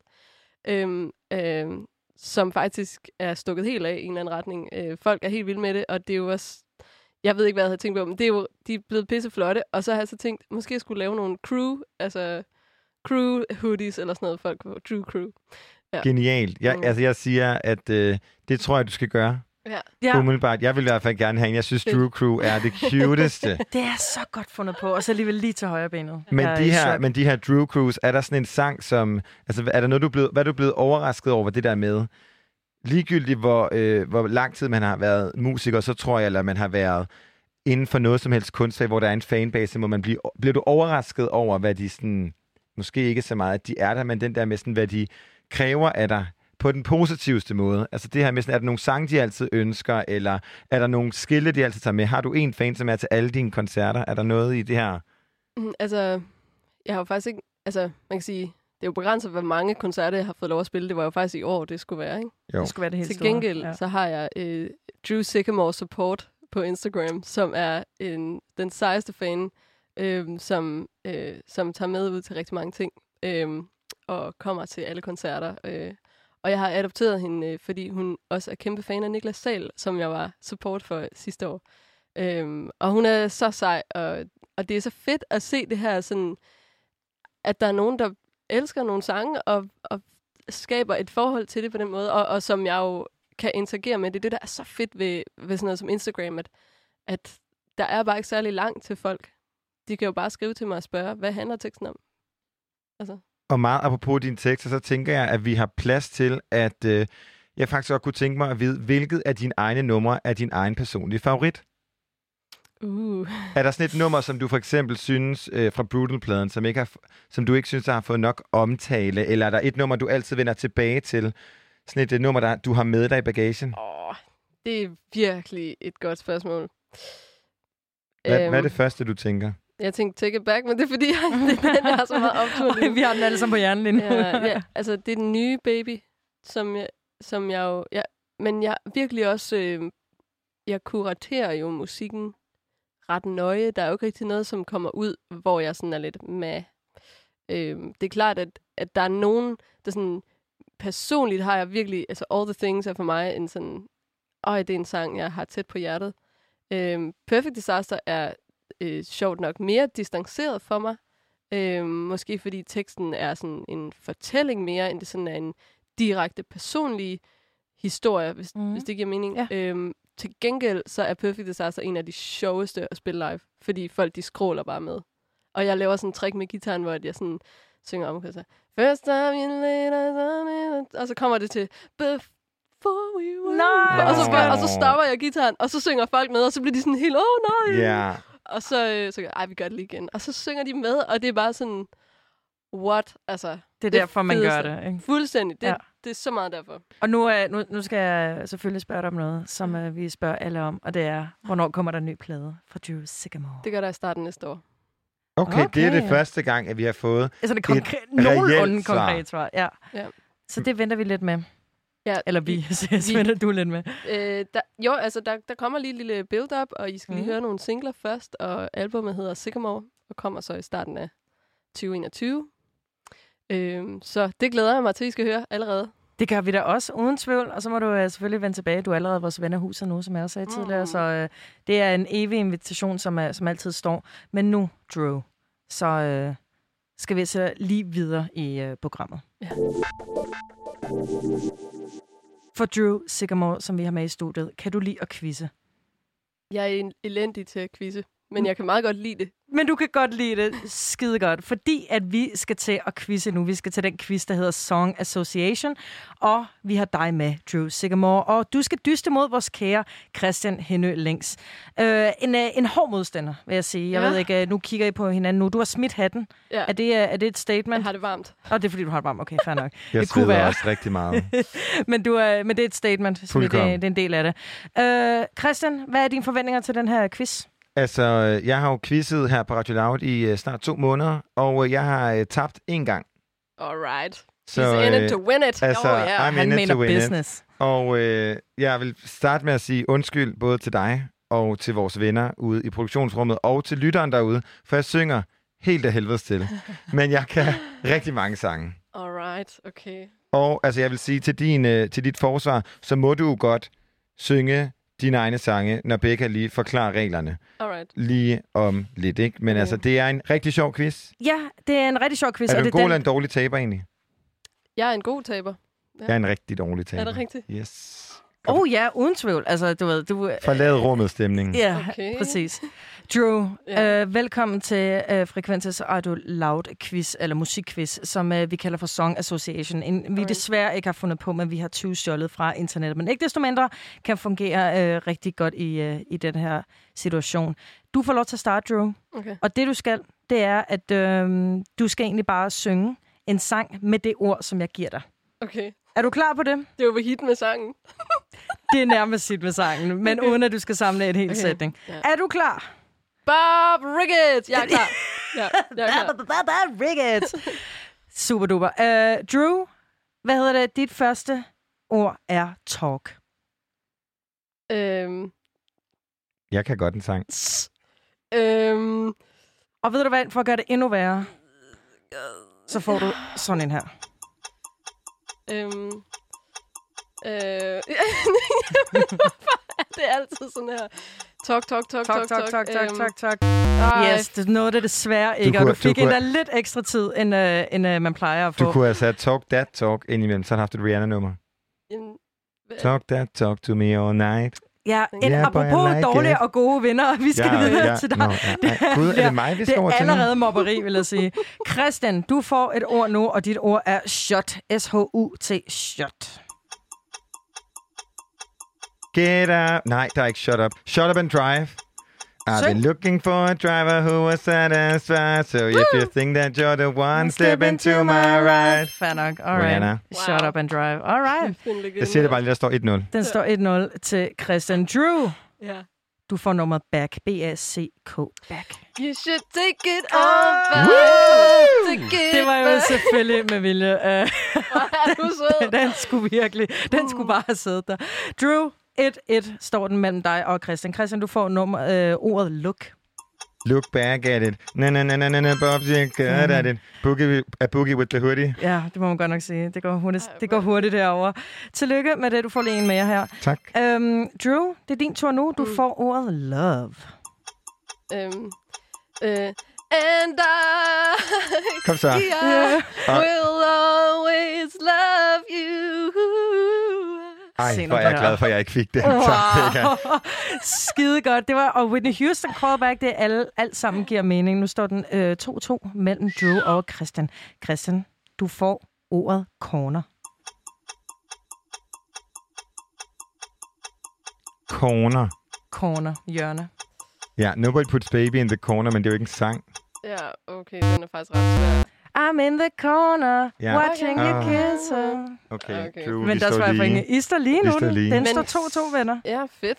Det er Genialt. godt. Uh, her, Christian. Pis, pis, Pick it pis, up. Pis, pis, pis, Drew, Ja. du får et ord nu, og det er ordet true. Øhm, Ej, and your true colors Der er aldrig nogen, der har sunget andet end det nummer på det her. What the fuck? That's why I love you. 3-2 til Drew. Christian, det er din tur nu. Du får ordet rock. R-O-C-K, rock. Uh, rock the night in the moon. Nej, er det ikke Moonlight? I wanna dance with you all night. Michael Jackson, er der ikke Rock with you? Du får den lige, Tak. lige på... Wanna øh, rock with you. Jamen, jeg er jo, jeg er jo så... All night. Sådan der. 3-3, venner. Spændende, lavede- jeg lavede spændende, en spændende. spoken word der. Okay, er I klar? Drew, du får ordet rain. Øhm, øh, rain On me. Jeg kan jo dansen. Rain on 1, 2, 3, 4. Det, Det er pissegod Og radio. desværre er radio ikke særlig Ja. visuelt, så vi går Ja. lidt videre. Vi kan lige øve dansen der, Det så jeg kan lære dig den. står 4-3 til Drew. Christian, enten taber du, eller så kommer til at stå lige efter du får dit ord her, som er ordet sure. S-U-R-E, sure. Altså, hvorfor er det, at mine ord er sværere end Drews? Sure. You got me feeling, boy, sure. Så er den Ej. ikke svær, kammerat. Okay. Hvad? Kend- me du nummer? Look sure. at you. You got me sure. Okay, legendarisk nummer. Okay, Jamen, øh, du har vundet, Drew. er Tillykke med sejren. Du har Det er så vundet. meget ikke fair. Jeg går. Tak for i dag. victory! Okay, jeg bliver måske lidt endnu.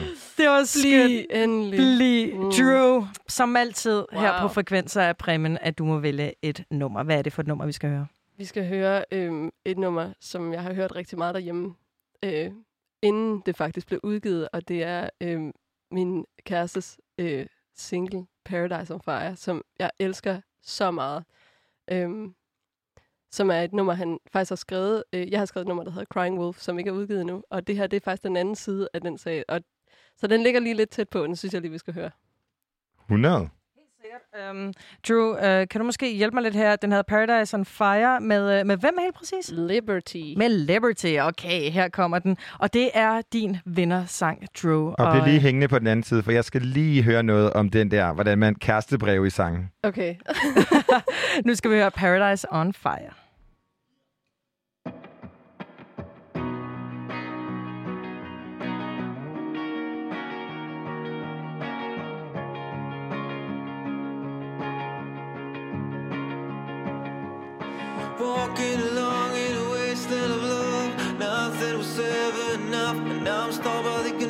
Conventional. She was always too conventional.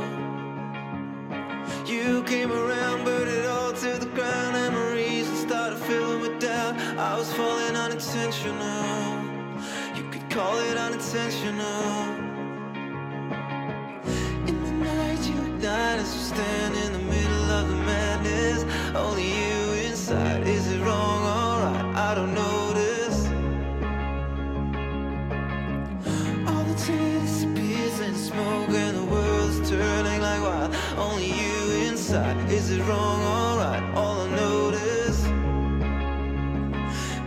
Paradise of fire, burning as I let go, burning just to get you.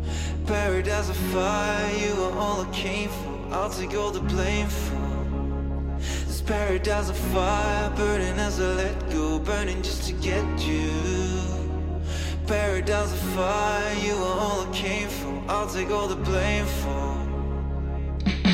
Walking along in a wasteland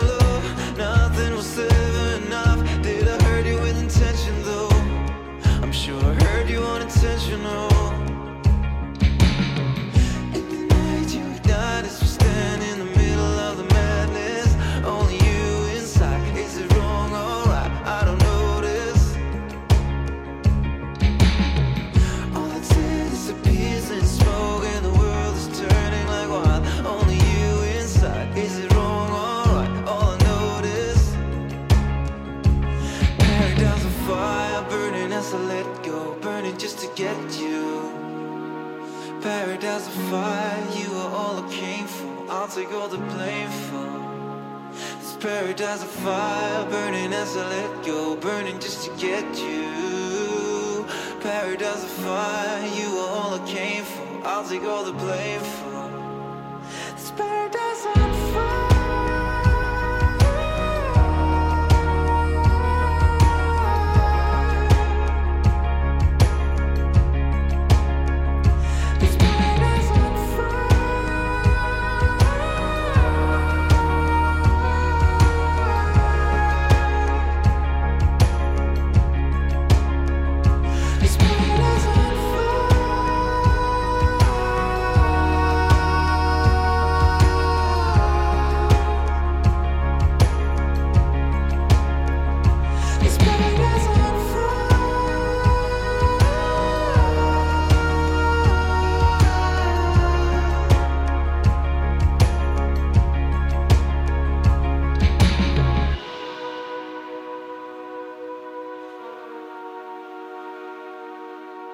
Her får du Paradise on Fire fra Liberty, som jo er Mathias Koldstrups soloprojekt. Og grunden til, at vi lytter til det, det er fordi, vi har hans skønne, vi må jo godt sige kone. Ja.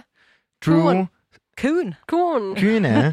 øh, Drew med i, uh, i studiet i dag, og uh, det var et nummer, du havde valgt, fordi at du vandt quizzen. Og det synes jeg ikke, vi skal snakke mere om. Det at synes du jeg, vi skal snakke om en quizzen. hel Nej, time nu. Nej, nej, ikke mere om den quiz. Fordi, øh, som du lige nåede at nævne kort for inden, så er det her jo et svar på et nummer, du ikke har udgivet endnu. Kan du Mm. lige dykke lidt mere ned i det? Jamen, øh, ja, nu oplever vi jo ting i livet, og det skriver vi jo gerne sange om, og det er, det er tit kærlighed, der er lidt af centrum for det. Og Mathias og jeg, vi mødtes øhm, i forbindelse med musik selvfølgelig, men øhm, han havde en kæreste på det tidspunkt, og det var lidt, det var lidt øhm, I vejen. kompliceret.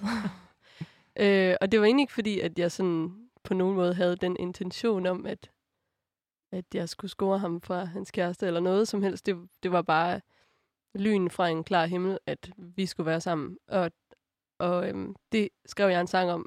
Øhm, blandt andet den periode, hvor at vi var ekstremt forelskede. Ja, ja, ekstremt forelskede, men vi var meget forelskede. Og ikke kunne være sammen. Øhm, og hvordan det her med, at jeg var i tvivl om sådan, åh, vælger han nu at blive hos hende, eller kommer han over til mig, eller, og hvordan er det? Øhm, og det var vildt, sådan jeg spiste ikke noget og røg cigaretter rundt om søerne, og var sådan, ah, hjælp mig. Øhm, og skrev øhm, en sang, der hedder Crying Wolf, som jeg spiller rigtig meget live. Øhm, Men som ikke er udkommet endnu, ikke? Den kommer på albumet, men den er ikke udkommet endnu. Øhm, og øhm, øh, Mathias har skrevet den her Paradise on Fire, som ligesom er hans øhm, hvad kan man sige, fortælling fra den samme periode øhm, af vores liv, hvor at det der med, at han skulle brænde hele lortet ned på en eller anden måde, som på en eller anden måde var jo et, et, et forhold, som han havde haft i, altså længe, og alt var jo fint, men så det var bare, du ved, smide en lighter på bålet, og så ligesom bare løbe ud i det her lidt us, u, u, nye og usikre, som vi jo ikke vidste, hvad var, kan man sige. Men hvordan er det, nu siger du det her med, at øh, sang handler meget om kærlighed, og man skriver om de ting, der, der øh, foregår i ens liv, og det gør man jo selvfølgelig som musiker. Men hvordan, altså det undrer jeg mig altid over, når der bliver lagt nogle så personlige sange ud. Altså hvordan, øh, hvilke overvejelser gør man sig for inden, og i tale sætter man inden, at man laver Crying Wolf og Paradise and Fire, at den her sang er til dig, og omvendt? Øhm, nogle gange, det er lidt forskelligt. Altså, det, altså, vi kender jo hinanden ret godt, så det giver os lidt sig selv, hvis lyrikken ligesom øhm, altså, fortæller det, kan man sige. Ikke? Øhm, så ja, altså, ja, Det siger man. Jeg siger vel sådan, prøv at høre det, hvor sød jeg er her.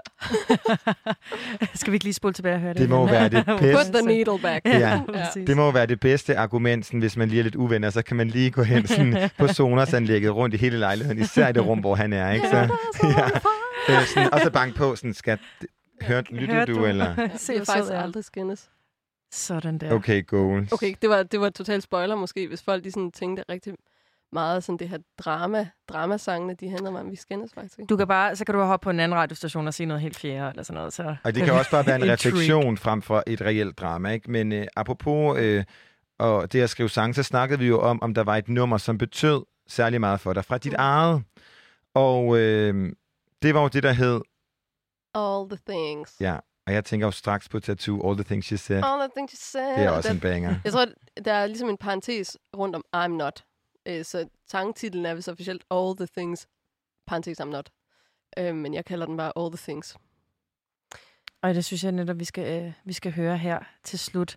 Drew Sigamore, det har været en, øh, en kæmpe fornøjelse at, at have dig på besøg. Du har vundet quizzen. Juhu! Så du er allerede en af mine yndlingsværter. så alle kan vinde over Christian. Ja, ja, ja, altså jeg vil sige, at øh, jeg, går her, jeg synes, du skal gå herfra med det, vi snakkede om, at du nærmest hedder Drew Sicko Mode, som uh, Travis. Scott. Altså det kan være, at der en dag kommer en feature med jer to, ikke? Så er det jo bare... genialt. Ja. Det vil du ikke sige nej til. Nej, det vil jeg ikke. Men, Men øh, men Tusind tak, fordi Ja. du kom. Det har været en fornøjelse. Det har været så dejligt at have dig. Og her kommer Drew Sigamore, All the Things I'm Not.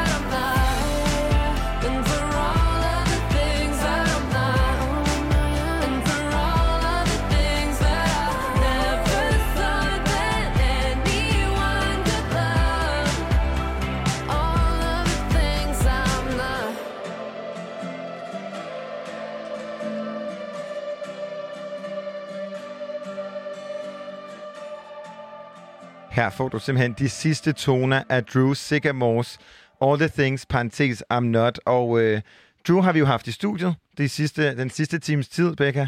Kæmpe fornøjelse. Altså, og jeg elskede særligt, at vi nærmest omdøbte hende til Drew Sicko Mode, den her Travis Scott øh, album. Er det ikke en al- er det hans album, der hed det? Nej, det var et nummer, han lavede sammen med Drake. Ah, Travis ja, Scott. Sicko Ej, Mode. så Og øh, Drew Sycamores album har vi jo så fået afsløret, kommer start næste år, og du kan opleve hende live til efteråret. Og indtil da, så kan du nyde hendes, øh, hendes nyeste single, som jeg jo, altså, Take it back. Take It Back, som jeg vil kalde Take It All Back. Det synger hun Men det også. synger hun jo også. Ja. Og øh, jeg erfarer lige, at der er en TikTok-dans til den her Take It Back. Den må vi skynde os Så at det må lære. vi simpelthen skynde os ind og lære. Der er ikke mere frekvens her øh, den her time, fordi vi skal til en omgang nyheder nu, hvor øh, klokken er blevet, øh, er blevet 22. Men hæng på, fordi der er mere frekvens på den anden side af nyhederne.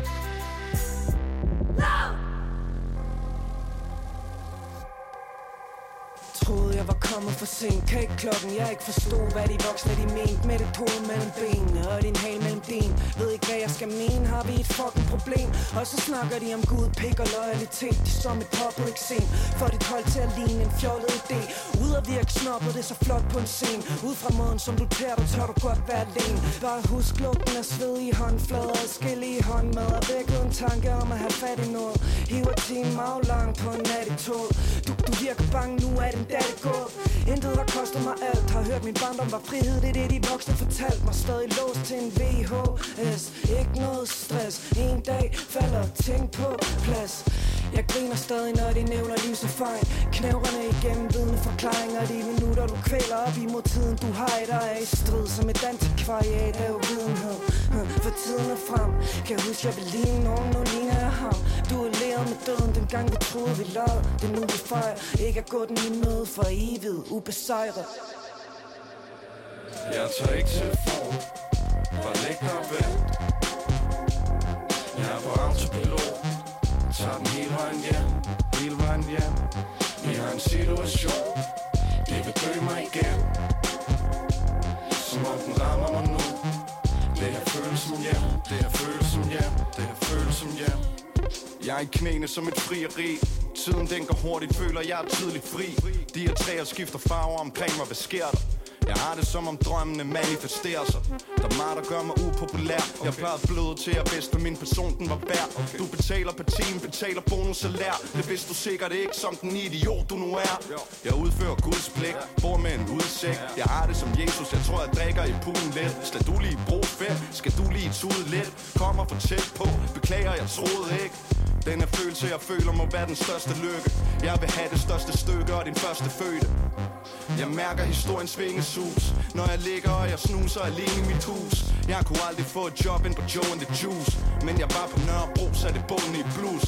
Jeg føler, det er en livstid siden. Jeg må videre, du vil have mig til at blive hele tiden.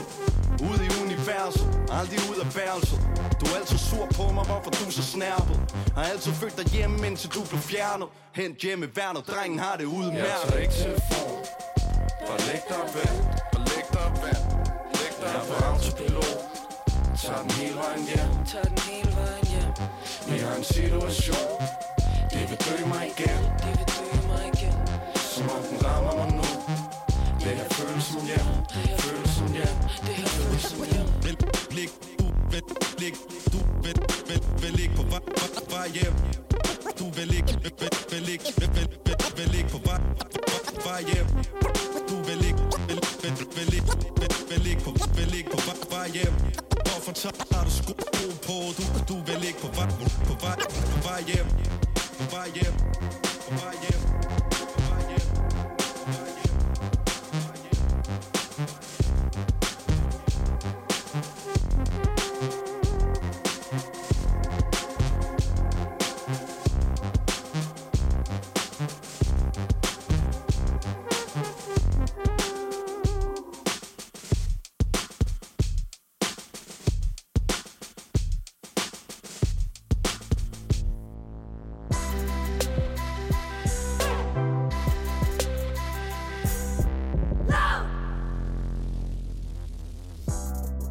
og velkommen tilbage til Frekvens her på Radio Loud. Mit navn er Christian Henry Links. Og mit navn det er Becca Reyes. Ej, hvor er det bare en lille twist and turn der, var. Bytte, bytte, købmand.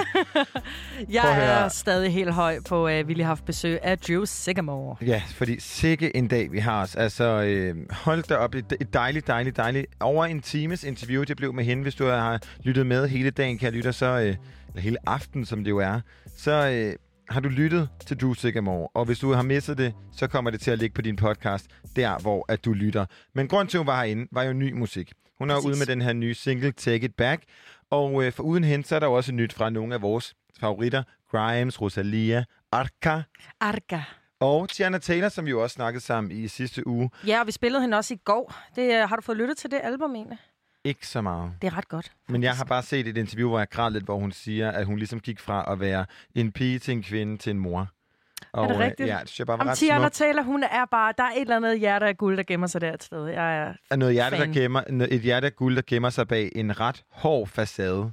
Ja, fordi hun er så ripped. Altså, og hun er bare sådan attitude, og, Ja, ej, hun er skøn. ja, Men i hvert fald, du har taget et nummer med. som jo er fra en lige så sej kvinde, vil jeg sige. Bare en kvinde på dansk jord, som nemlig er vores allesammens Tessa. Og øh, hvis du for fem år siden har spurgt mig om en øh, dansk kvindelig rapper fra øh, Hundi, som øh, det simpelthen øh, rappede om, at øh, den eneste pik, hun havde mellem benene, var, når hun rider sin mands, eller at øh, smække en skinny bitch i røven, der lyder som et screenshot, vil blive et folkeeje. Ja. Så har jeg aldrig troet på dig. Jeg havde også tænkt, at øh, det lød lidt Men... langt ud på landet. Men det er jo en situation, vi står i lige nu. Altså, der er nærmest ikke nogen, øh, selv ikke min mor i, øh, i Jylland, eller min far i Horsens, som også er i Jylland, men er som bare lidt længere Jeg forstår. Jyllandsagtigt, ikke? Har set den her dokumentar, og ligesom begyndt at elske den her kvinde, som står bag.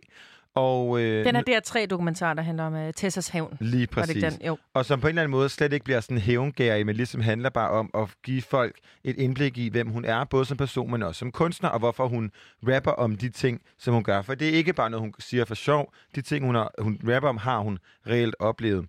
Og øh, en ret fin sløjfe på den her dokumentar, som jo er ude i sit fulde, er det nummer, der hedder Bål, som øh, Pilfinger har produceret, og som på en eller anden måde øh, samler ret godt op på den her sådan, et motivation, moto, Moto, motivational? speech, Der var den. som hun holder igennem de her fire afsnit, hvor man ligesom skal stå op for sig selv. Og øh, det er simpelthen blevet til den single, der hedder Bål. Og meget apropos Sankt Hans Bål, så kommer her Tessa Bål.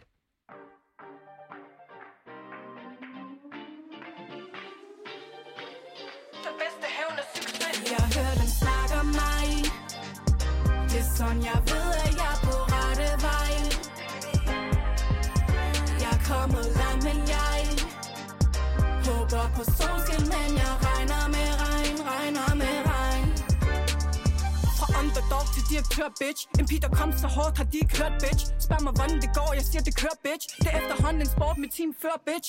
Uanset hvad jeg gør, så vil de have. Lad mig tale lige fra hjertet nu. Jeg er fucking ligeglad, jeg er blevet kaldt udulig Ustyrlig, ubrugelig. Troede, de kunne knække mig umuligt Til alle dem, der er blevet trådt på. Og tror, drømme er umulige at opnå. Giv en finger til dem, der fortalte dig det. Husk den bedste hævn af succes. Det er til dem Der sagde jeg aldrig bliver til noget.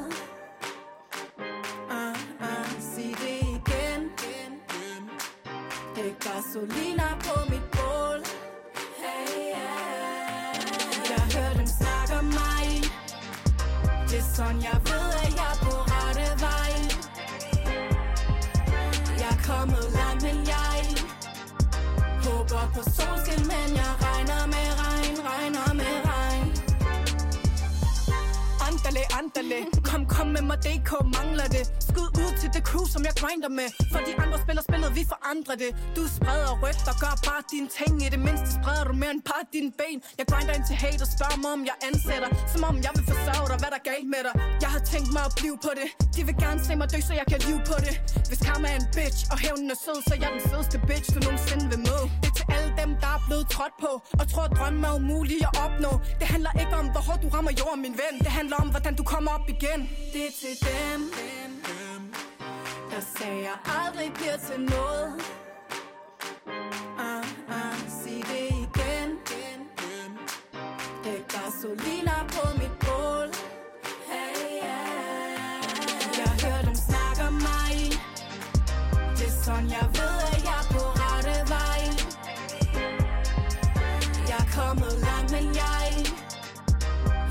på solskin, men jeg regner med regn, regner med regn.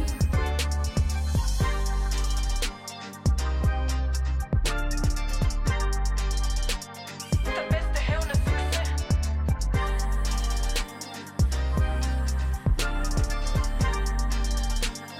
Den bedste hævn er succes. Indeed. Tessas bål, ikke?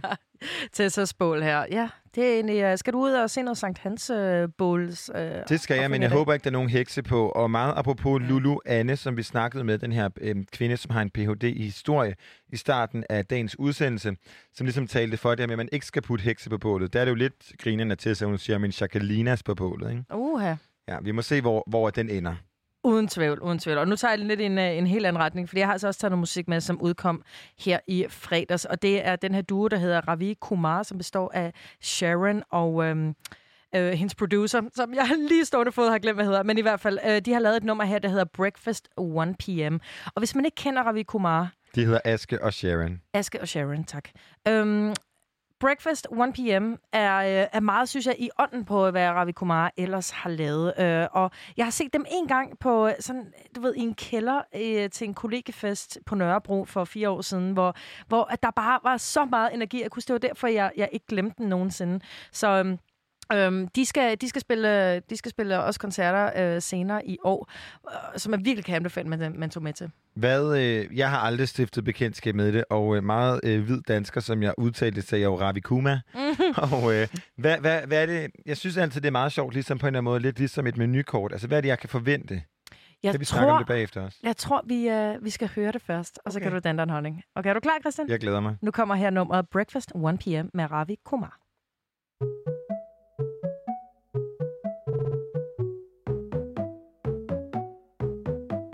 Get my breakfast 1 p.m. Won't bother about the gym. Still wearing them sweats I slept in. Doesn't matter what my neighbors thinking. Gotta get it getting ready for a trip, yo. Got a cater setting cakes on the table. Better betting on a quick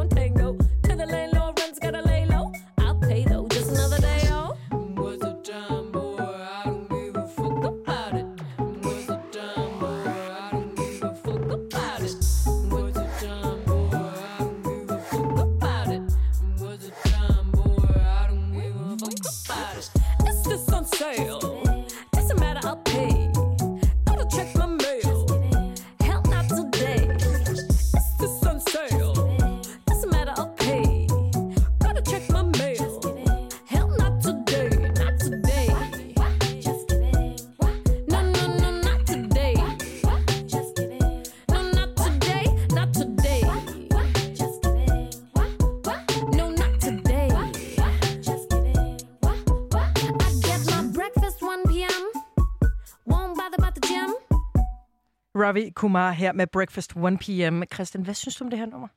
Altså, jeg fik lidt sådan uh, Charlie XCX-vibes. Mm, mm. Øhm, men på sådan lidt mere, øh, måske... Ja, hvordan skal jeg beskrive det? Lidt mere sådan morgenmadsagtigt. No pun intended. Yes, pun Breakfast. intended. Altså, Spiser du nogensinde morgenmad klokken et? absolut ikke. Nej.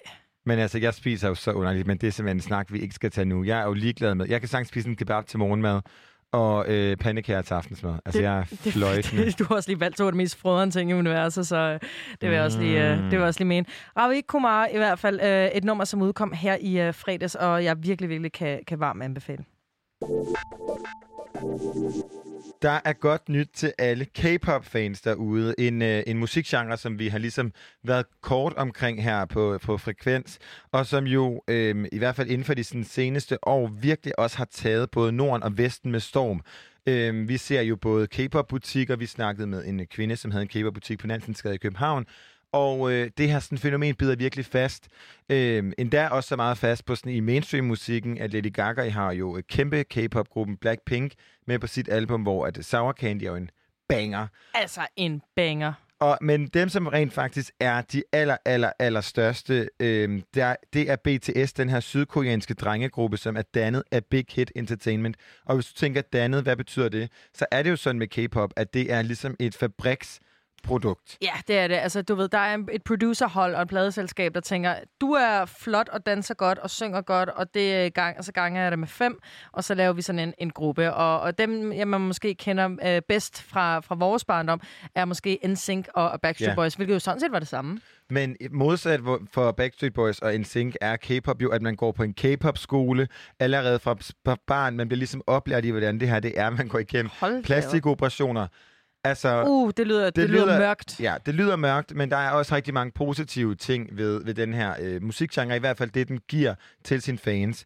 Øhm, og øh, BTS, de simpelthen annonceret, at de kommer med et nyt album, der hedder The Journey. Øh, alle deres album hedder ligesom Map of the Soul, og så den ny, Map of the Soul nummer 7 udkom tidligere i år, men nu kommer også The Journey, hvor at der kommer øh, originale japanske versioner. Der tænker du måske, hmm, hmm. japanske versioner, det er måske lidt langt fra mig. Men ikke desto mindre, så kommer det her meget, meget, meget ventede album, og øh, jeg glæder mig ret meget til også at dykke ned i, hvordan at sangene kommer til at være forskellige, fordi Map of the Soul 7 ud har mange af de her sange i forvejen, men det er på de amerikanificerede udgaver. Oh. Så her kommer ligesom mulighed for, får du mulighed for at, at høre de originale. Og derudover så kommer der to nye, Stay Gold og Your Eyes Tell. Men, men jeg har et spørgsmål, Christian. Hvorfor er det, at det er lavet japanske udgaver? Synger de så på japansk? Det må det jo så være. Det er da vildt nok, at de kan er begge dele. Ja. Jeg har faktisk Ude, en sjov... Ja, ja og der har fordi jeg... K-pop betyder Korean pop. Det er jo det. Det er Tak. to helt forskellige Ja. sprog.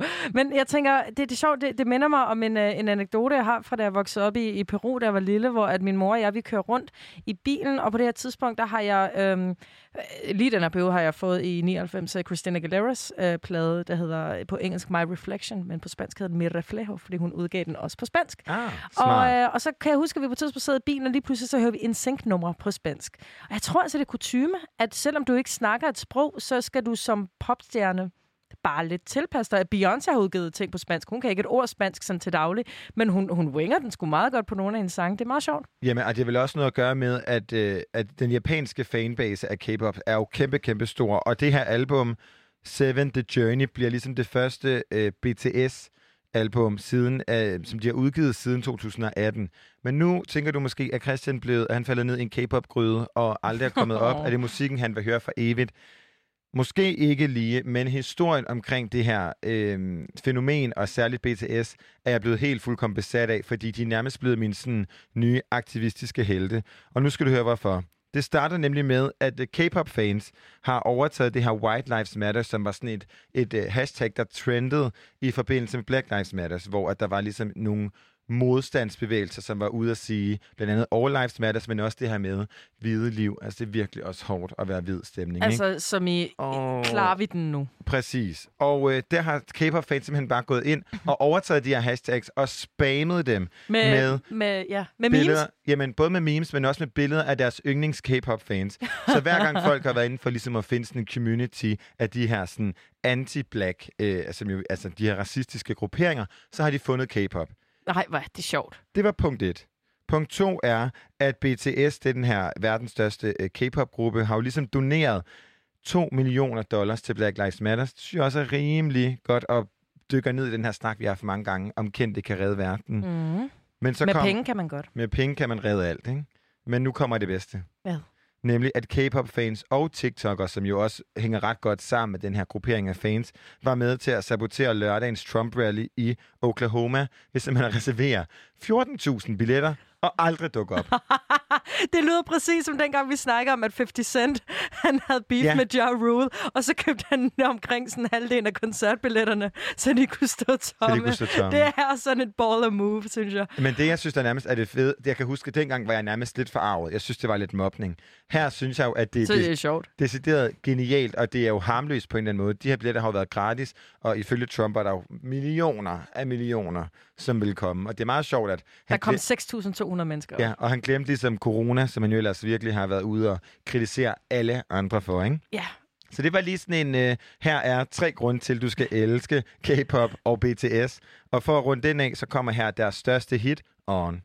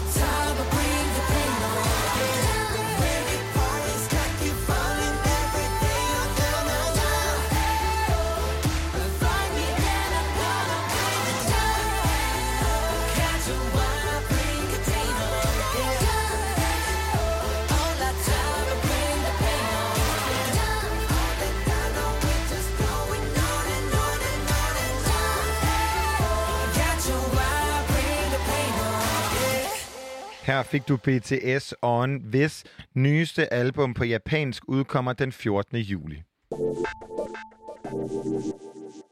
Vi har fået en ny funktion her på Frekvens på Radio Loud, og det betyder, at man nu kan skrive sms'er ind på vores program. Vi har simpelthen glædet os så meget til at kunne høre, kære dig derude, hvad du lige sidder og tænker. Du har jo kunnet kontakte os på Instagram på radio.loud.dk, men nu kan du simpelthen også sende os en sms. Og øh, Det er, altså nummeret det er øh, 92 45 99 45. skal Så bare vi- tænke på 45. Ja, bare, jeg tænker rigtig meget på 45. Og så 92 og 99, ikke? Ja, altså Bum. 92, 92. Hvad skete der i 92? Øh, Er det ikke der, Danmark vandt EM? Jo, jo, super godt. Woo! Okay, så det første, du tænker på, det er Danmark EM. Bum, der Hvad har vi skete der i 92. 45? 45, der blev befriet fra tyskerne. Yes. Yes. Og så i 99, der, øh, det er bare... Der var jeg fem. Der var, det kan man ikke bruge. Prince Øh, sang det- 1999. Nej, ja, der er også uh, Charlie XCX og Troy Sivan. 99, I just wanna go back, back to 1999. Ja, præcis. Så du har den 92, 45, 99, Du skal 45. bare tænke, EM, befrielse, Troy Sivan og Charlie XCX, Befrielse. befrielse. Nej, det var da... Jo, det slutter med 45. Oh. Vi bliver nødt til at lave en sang, som Men hvad er det, vi øh, så skal folk kan høre nu? Hvad er jingle. det, vi har fået ønsket? Jamen, vi har jo så fået et ønske igennem den her øh, nye sms-service, som vi har fået. Og det er det nummer, der hedder Everybody Flip the Table, featuring Pjevs 121. Jeg er altså meget spændt på Jeg at høre, hvad også. det, hvad det er for noget, fordi det ved jeg ikke, hvad er.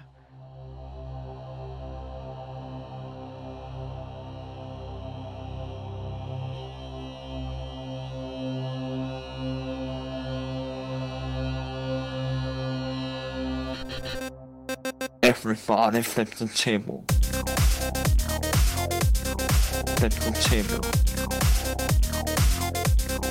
Everybody flip the table. Flip the table. Every every flip the table. Everybody flip the table.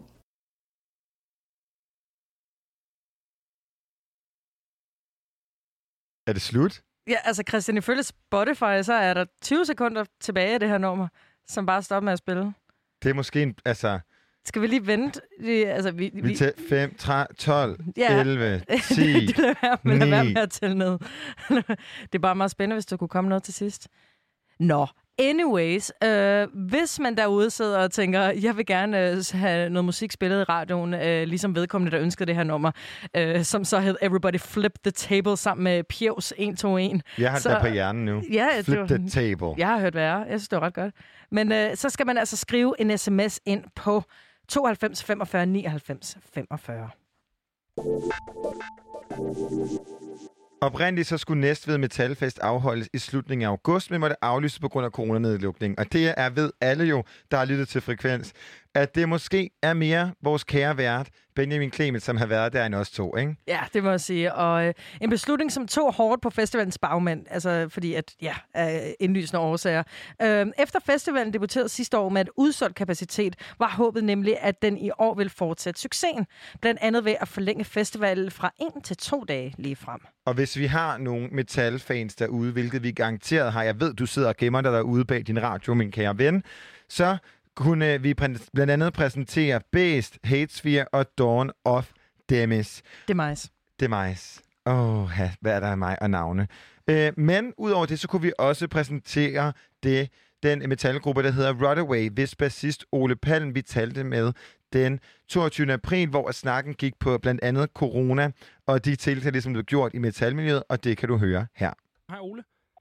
Hey Benjamin. Hej så. Super fedt, Hey. du vil være med. Jo, selvfølgelig. Vil du ikke lige øh, starte med at introducere dig selv, og hvad, hvad dit forhold til metal er? Jamen selvfølgelig. Jamen, øh, jamen, jeg hedder Ole. Jeg spiller bass i Rodaway. Øhm, og så har jeg måske været ja, udøvende artist i det københavnske metalmiljø de sidste... Åh, det nærmer sig snart de sidste 10 år. Og så er jeg jo så også bare metal-fan. Og hvad er det, øh, Rodaway er for et band? Ja, Rodaway, vi er, det er jo en blanding af... Vi spiller noget hardcore. Så for det utrænede øre, så er det jo en blanding af en viderebygning på, på punken, blandet med noget metal. Ja.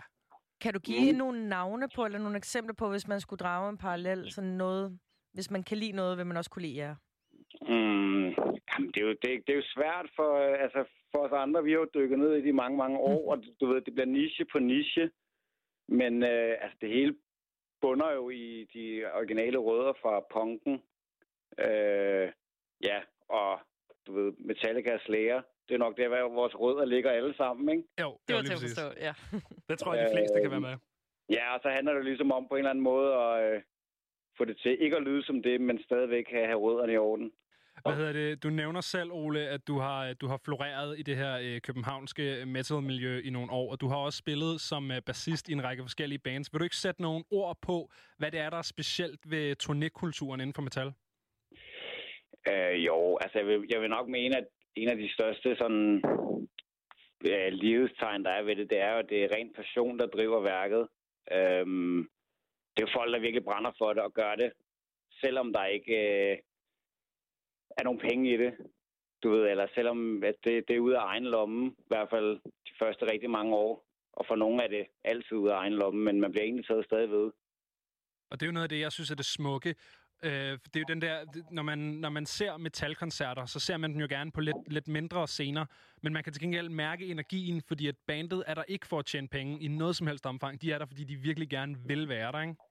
Jo, jo, det, altså, det, det er det, de vil, og det er det, de står og bruger. Jeg ved ikke, hvor mange timer i det øvelokale på at komme ud og gøre.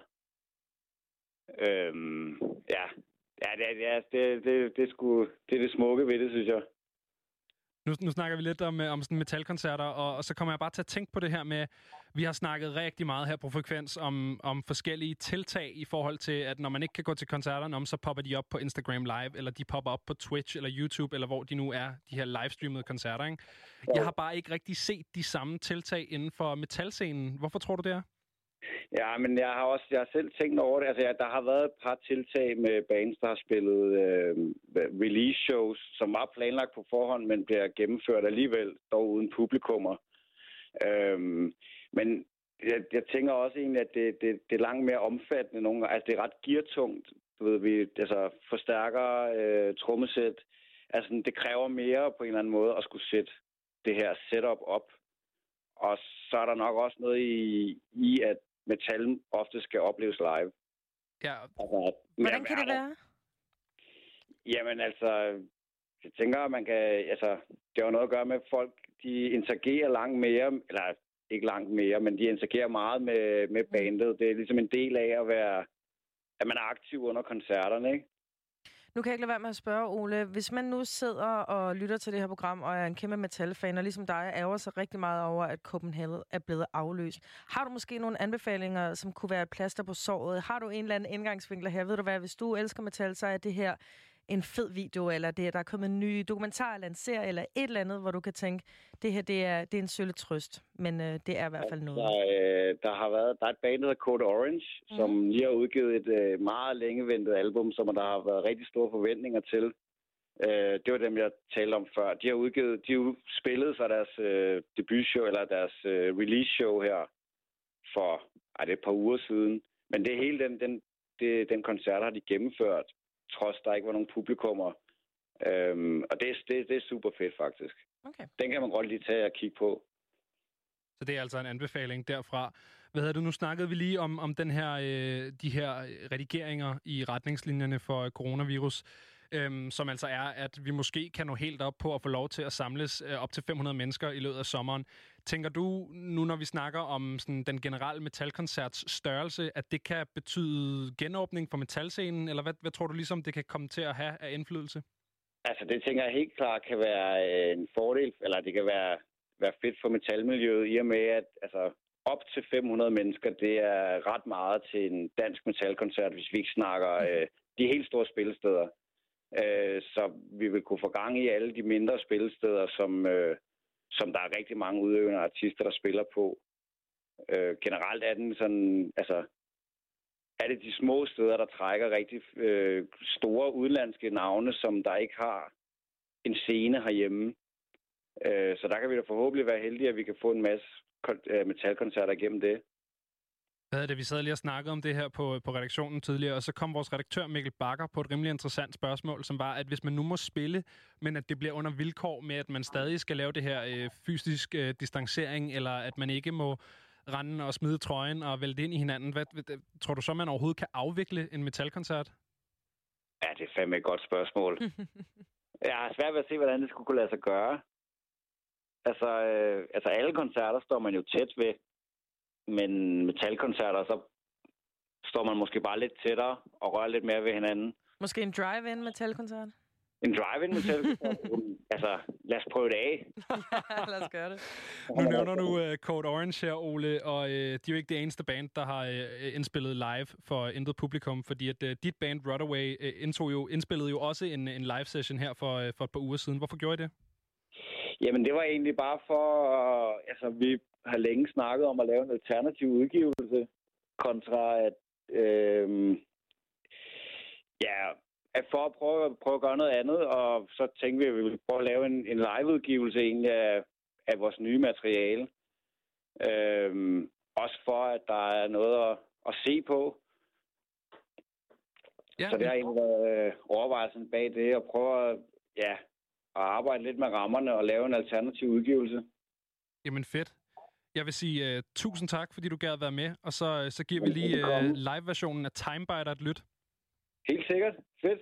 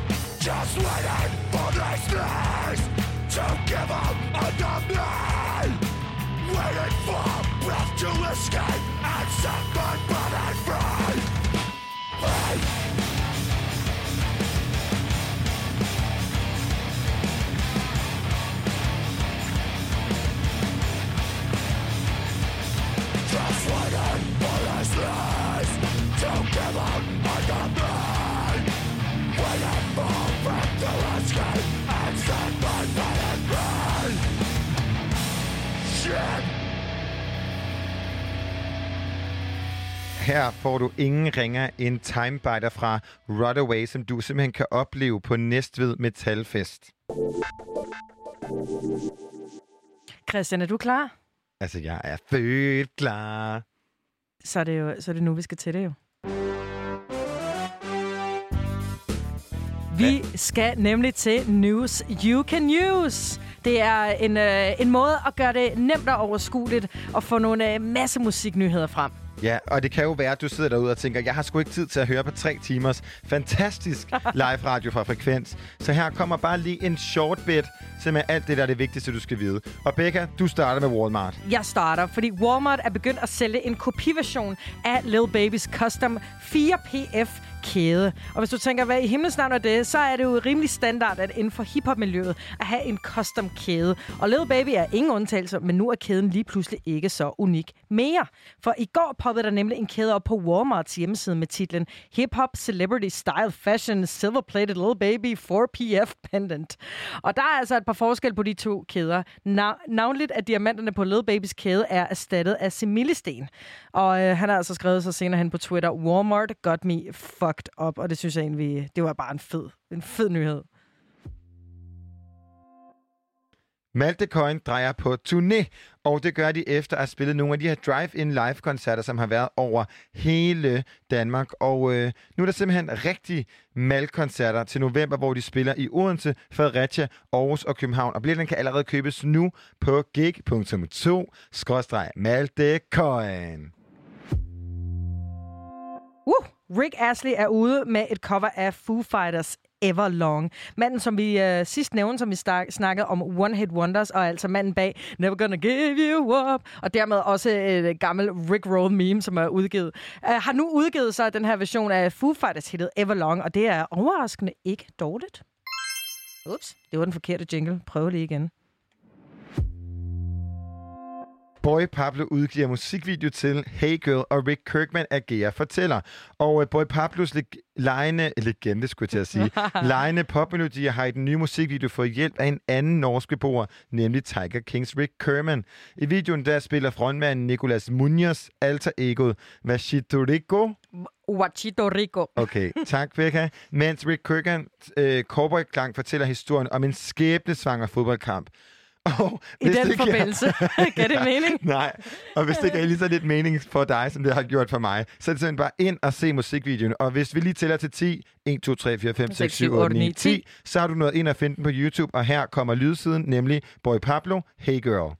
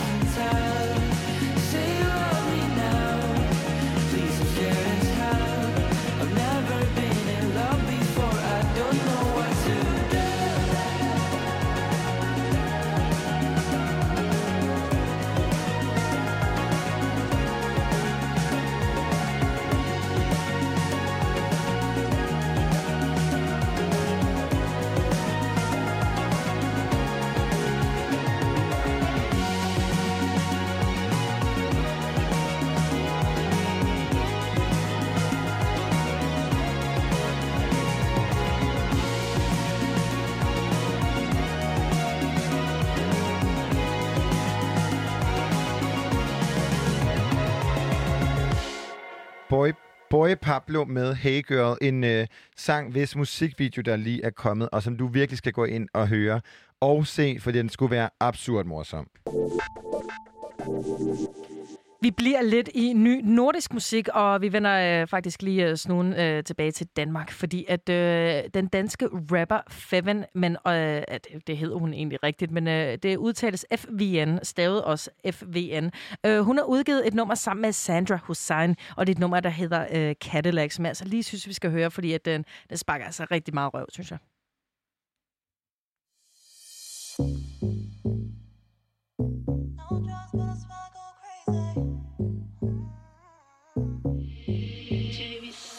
Smelling like Dior, you know a bitch red. Packed in the front, back be looking tasty. Ain't my fault that your man wanna sex me. If I could, I would fuck myself cause I'm sexy.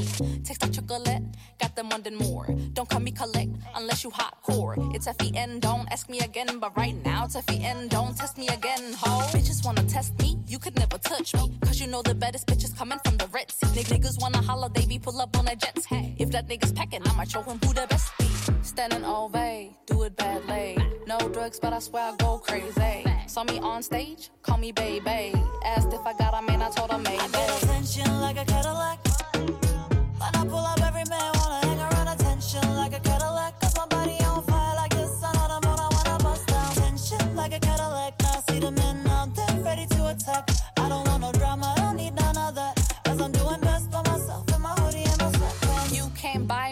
You get no time. Shoulda with the spice, like like it's fucking lunchtime. You ain't waiting for me, hey, you can call me prime time. I'm just warming up while you sweating, that's a punchline.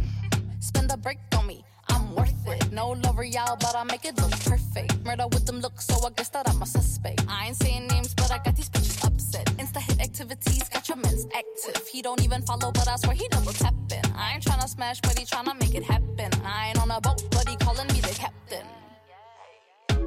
Standing ovay, do it badly. No drugs, but I swear I go crazy. Saw me on stage, call me baby. Asked if I got a man, I told her I get attention like a Cadillac. When I pull up, every man wanna hang around. Attention like a Cadillac.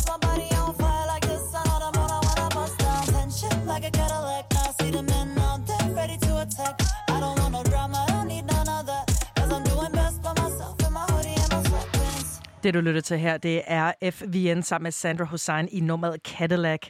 Og FVN, hende stifter du bekendtskab med igennem Uniradioen. Kan det passe? Det er fuldstændig rigtigt. Feven øh, og jeg, vi havde et, øh, et radioprogram sammen, som hed øh, Gadegrammofonen. Uh. Ja, hvor vi bare snakkede masse hiphop. Og det var, øh, ja, det, vi var fire i alt. Det var mig og min veninde øh, Liva, øh, og Davin er roommate, som startede det, og så fik vi lige Feven ind.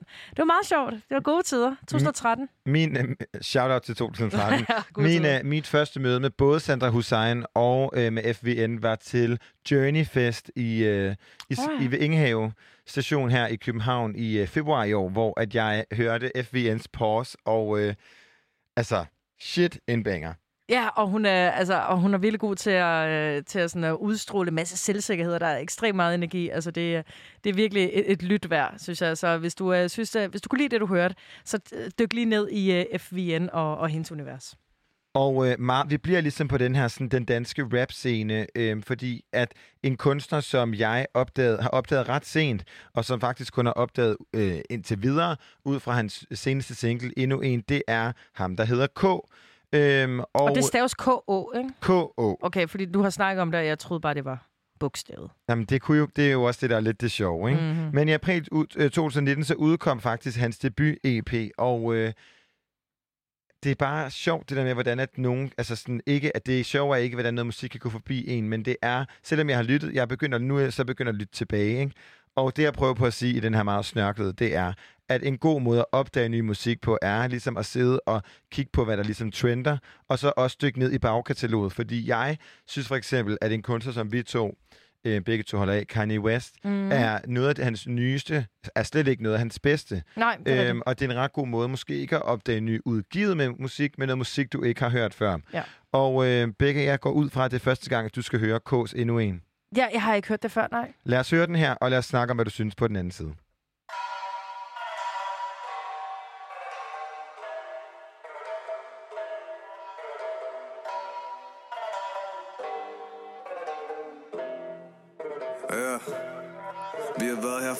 Her før, vil ikke blive her længe. Søgt noget større, men jeg fandt ingenting. Hvem sagde hvad, det jeg sagde, hvad jeg mente Jeg? Vil egentlig ikke hænge, nej, det er det for nemt. Det er det ikke for mig, vil ikke have forspil. Korten på bord, så jeg går all in. Har ikke brug for energi, brug for en sovepille Med tandtog til, gør det til en sportting Bror, man er Sony.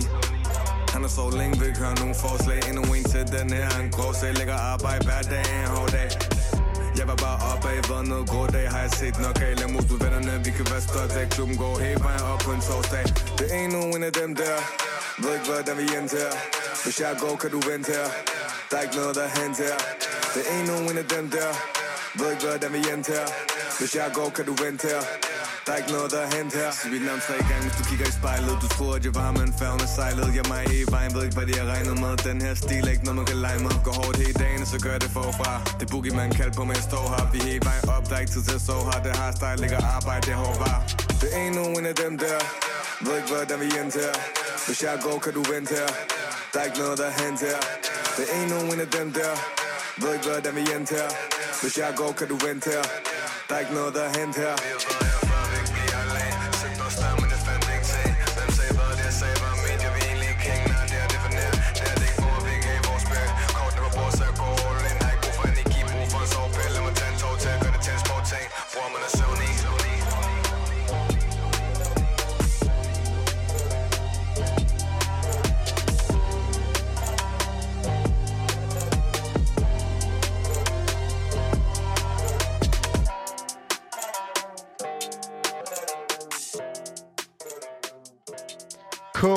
Endnu en. Og øh, Becca, er det endnu en til din spilleliste? Wow, jeg er på røven over, hvor sejt det her var.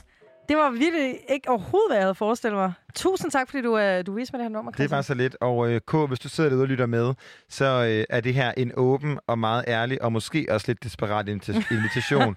Kom endelig ind. Vi vil så gerne dykke ned i dit univers. Og en, vi også godt kunne tænke os at dykke ned i, er Bitte, som øh, har udgivet Fin Regn her for ikke så mange dage siden. Og øh, jeg synes, det er en ret fin måde, apropos Fin Regn, og slutte dagen af, dagen af på, ikke? Ja, det synes jeg også helt sikkert. Og øh, ja, der, er, der er så meget god dansk musik derude, og der, er- der er virkelig meget, vi kan, vi kan anbefale. Så ja, som du også selv sagde, jeg synes bare, vi skal høre det nyeste nummer fra Bette. Her kommer Fin Regn. Alle løber hver deres vej, ingen følger med tårn på din kind, regnen falder ned. Oversvømmer alting her, jeg sejler med. Håber der er plads til fejl, hvis du tager afsted. Hmm. Du vil kunne se, at du kan stole på mig. Du vil jo høre, at jeg kun er hos dig. Du vil jo vide det, du vil jo vide det. Du vil jo vide, at alting ordner sig kommer at gå langsomt væk Endnu det tanker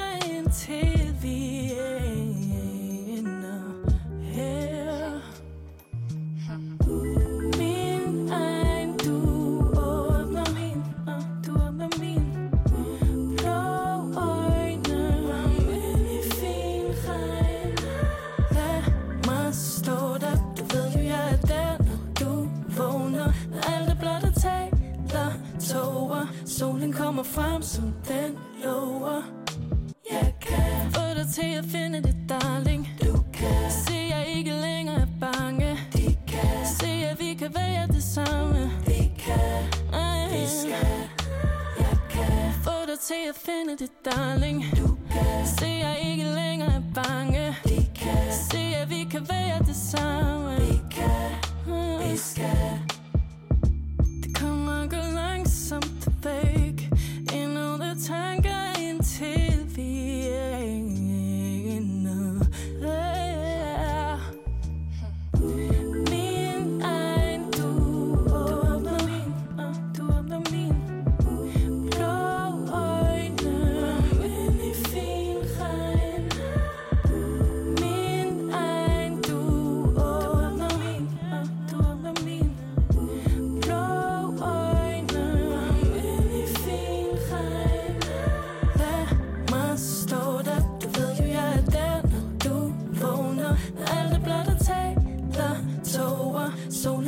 blot og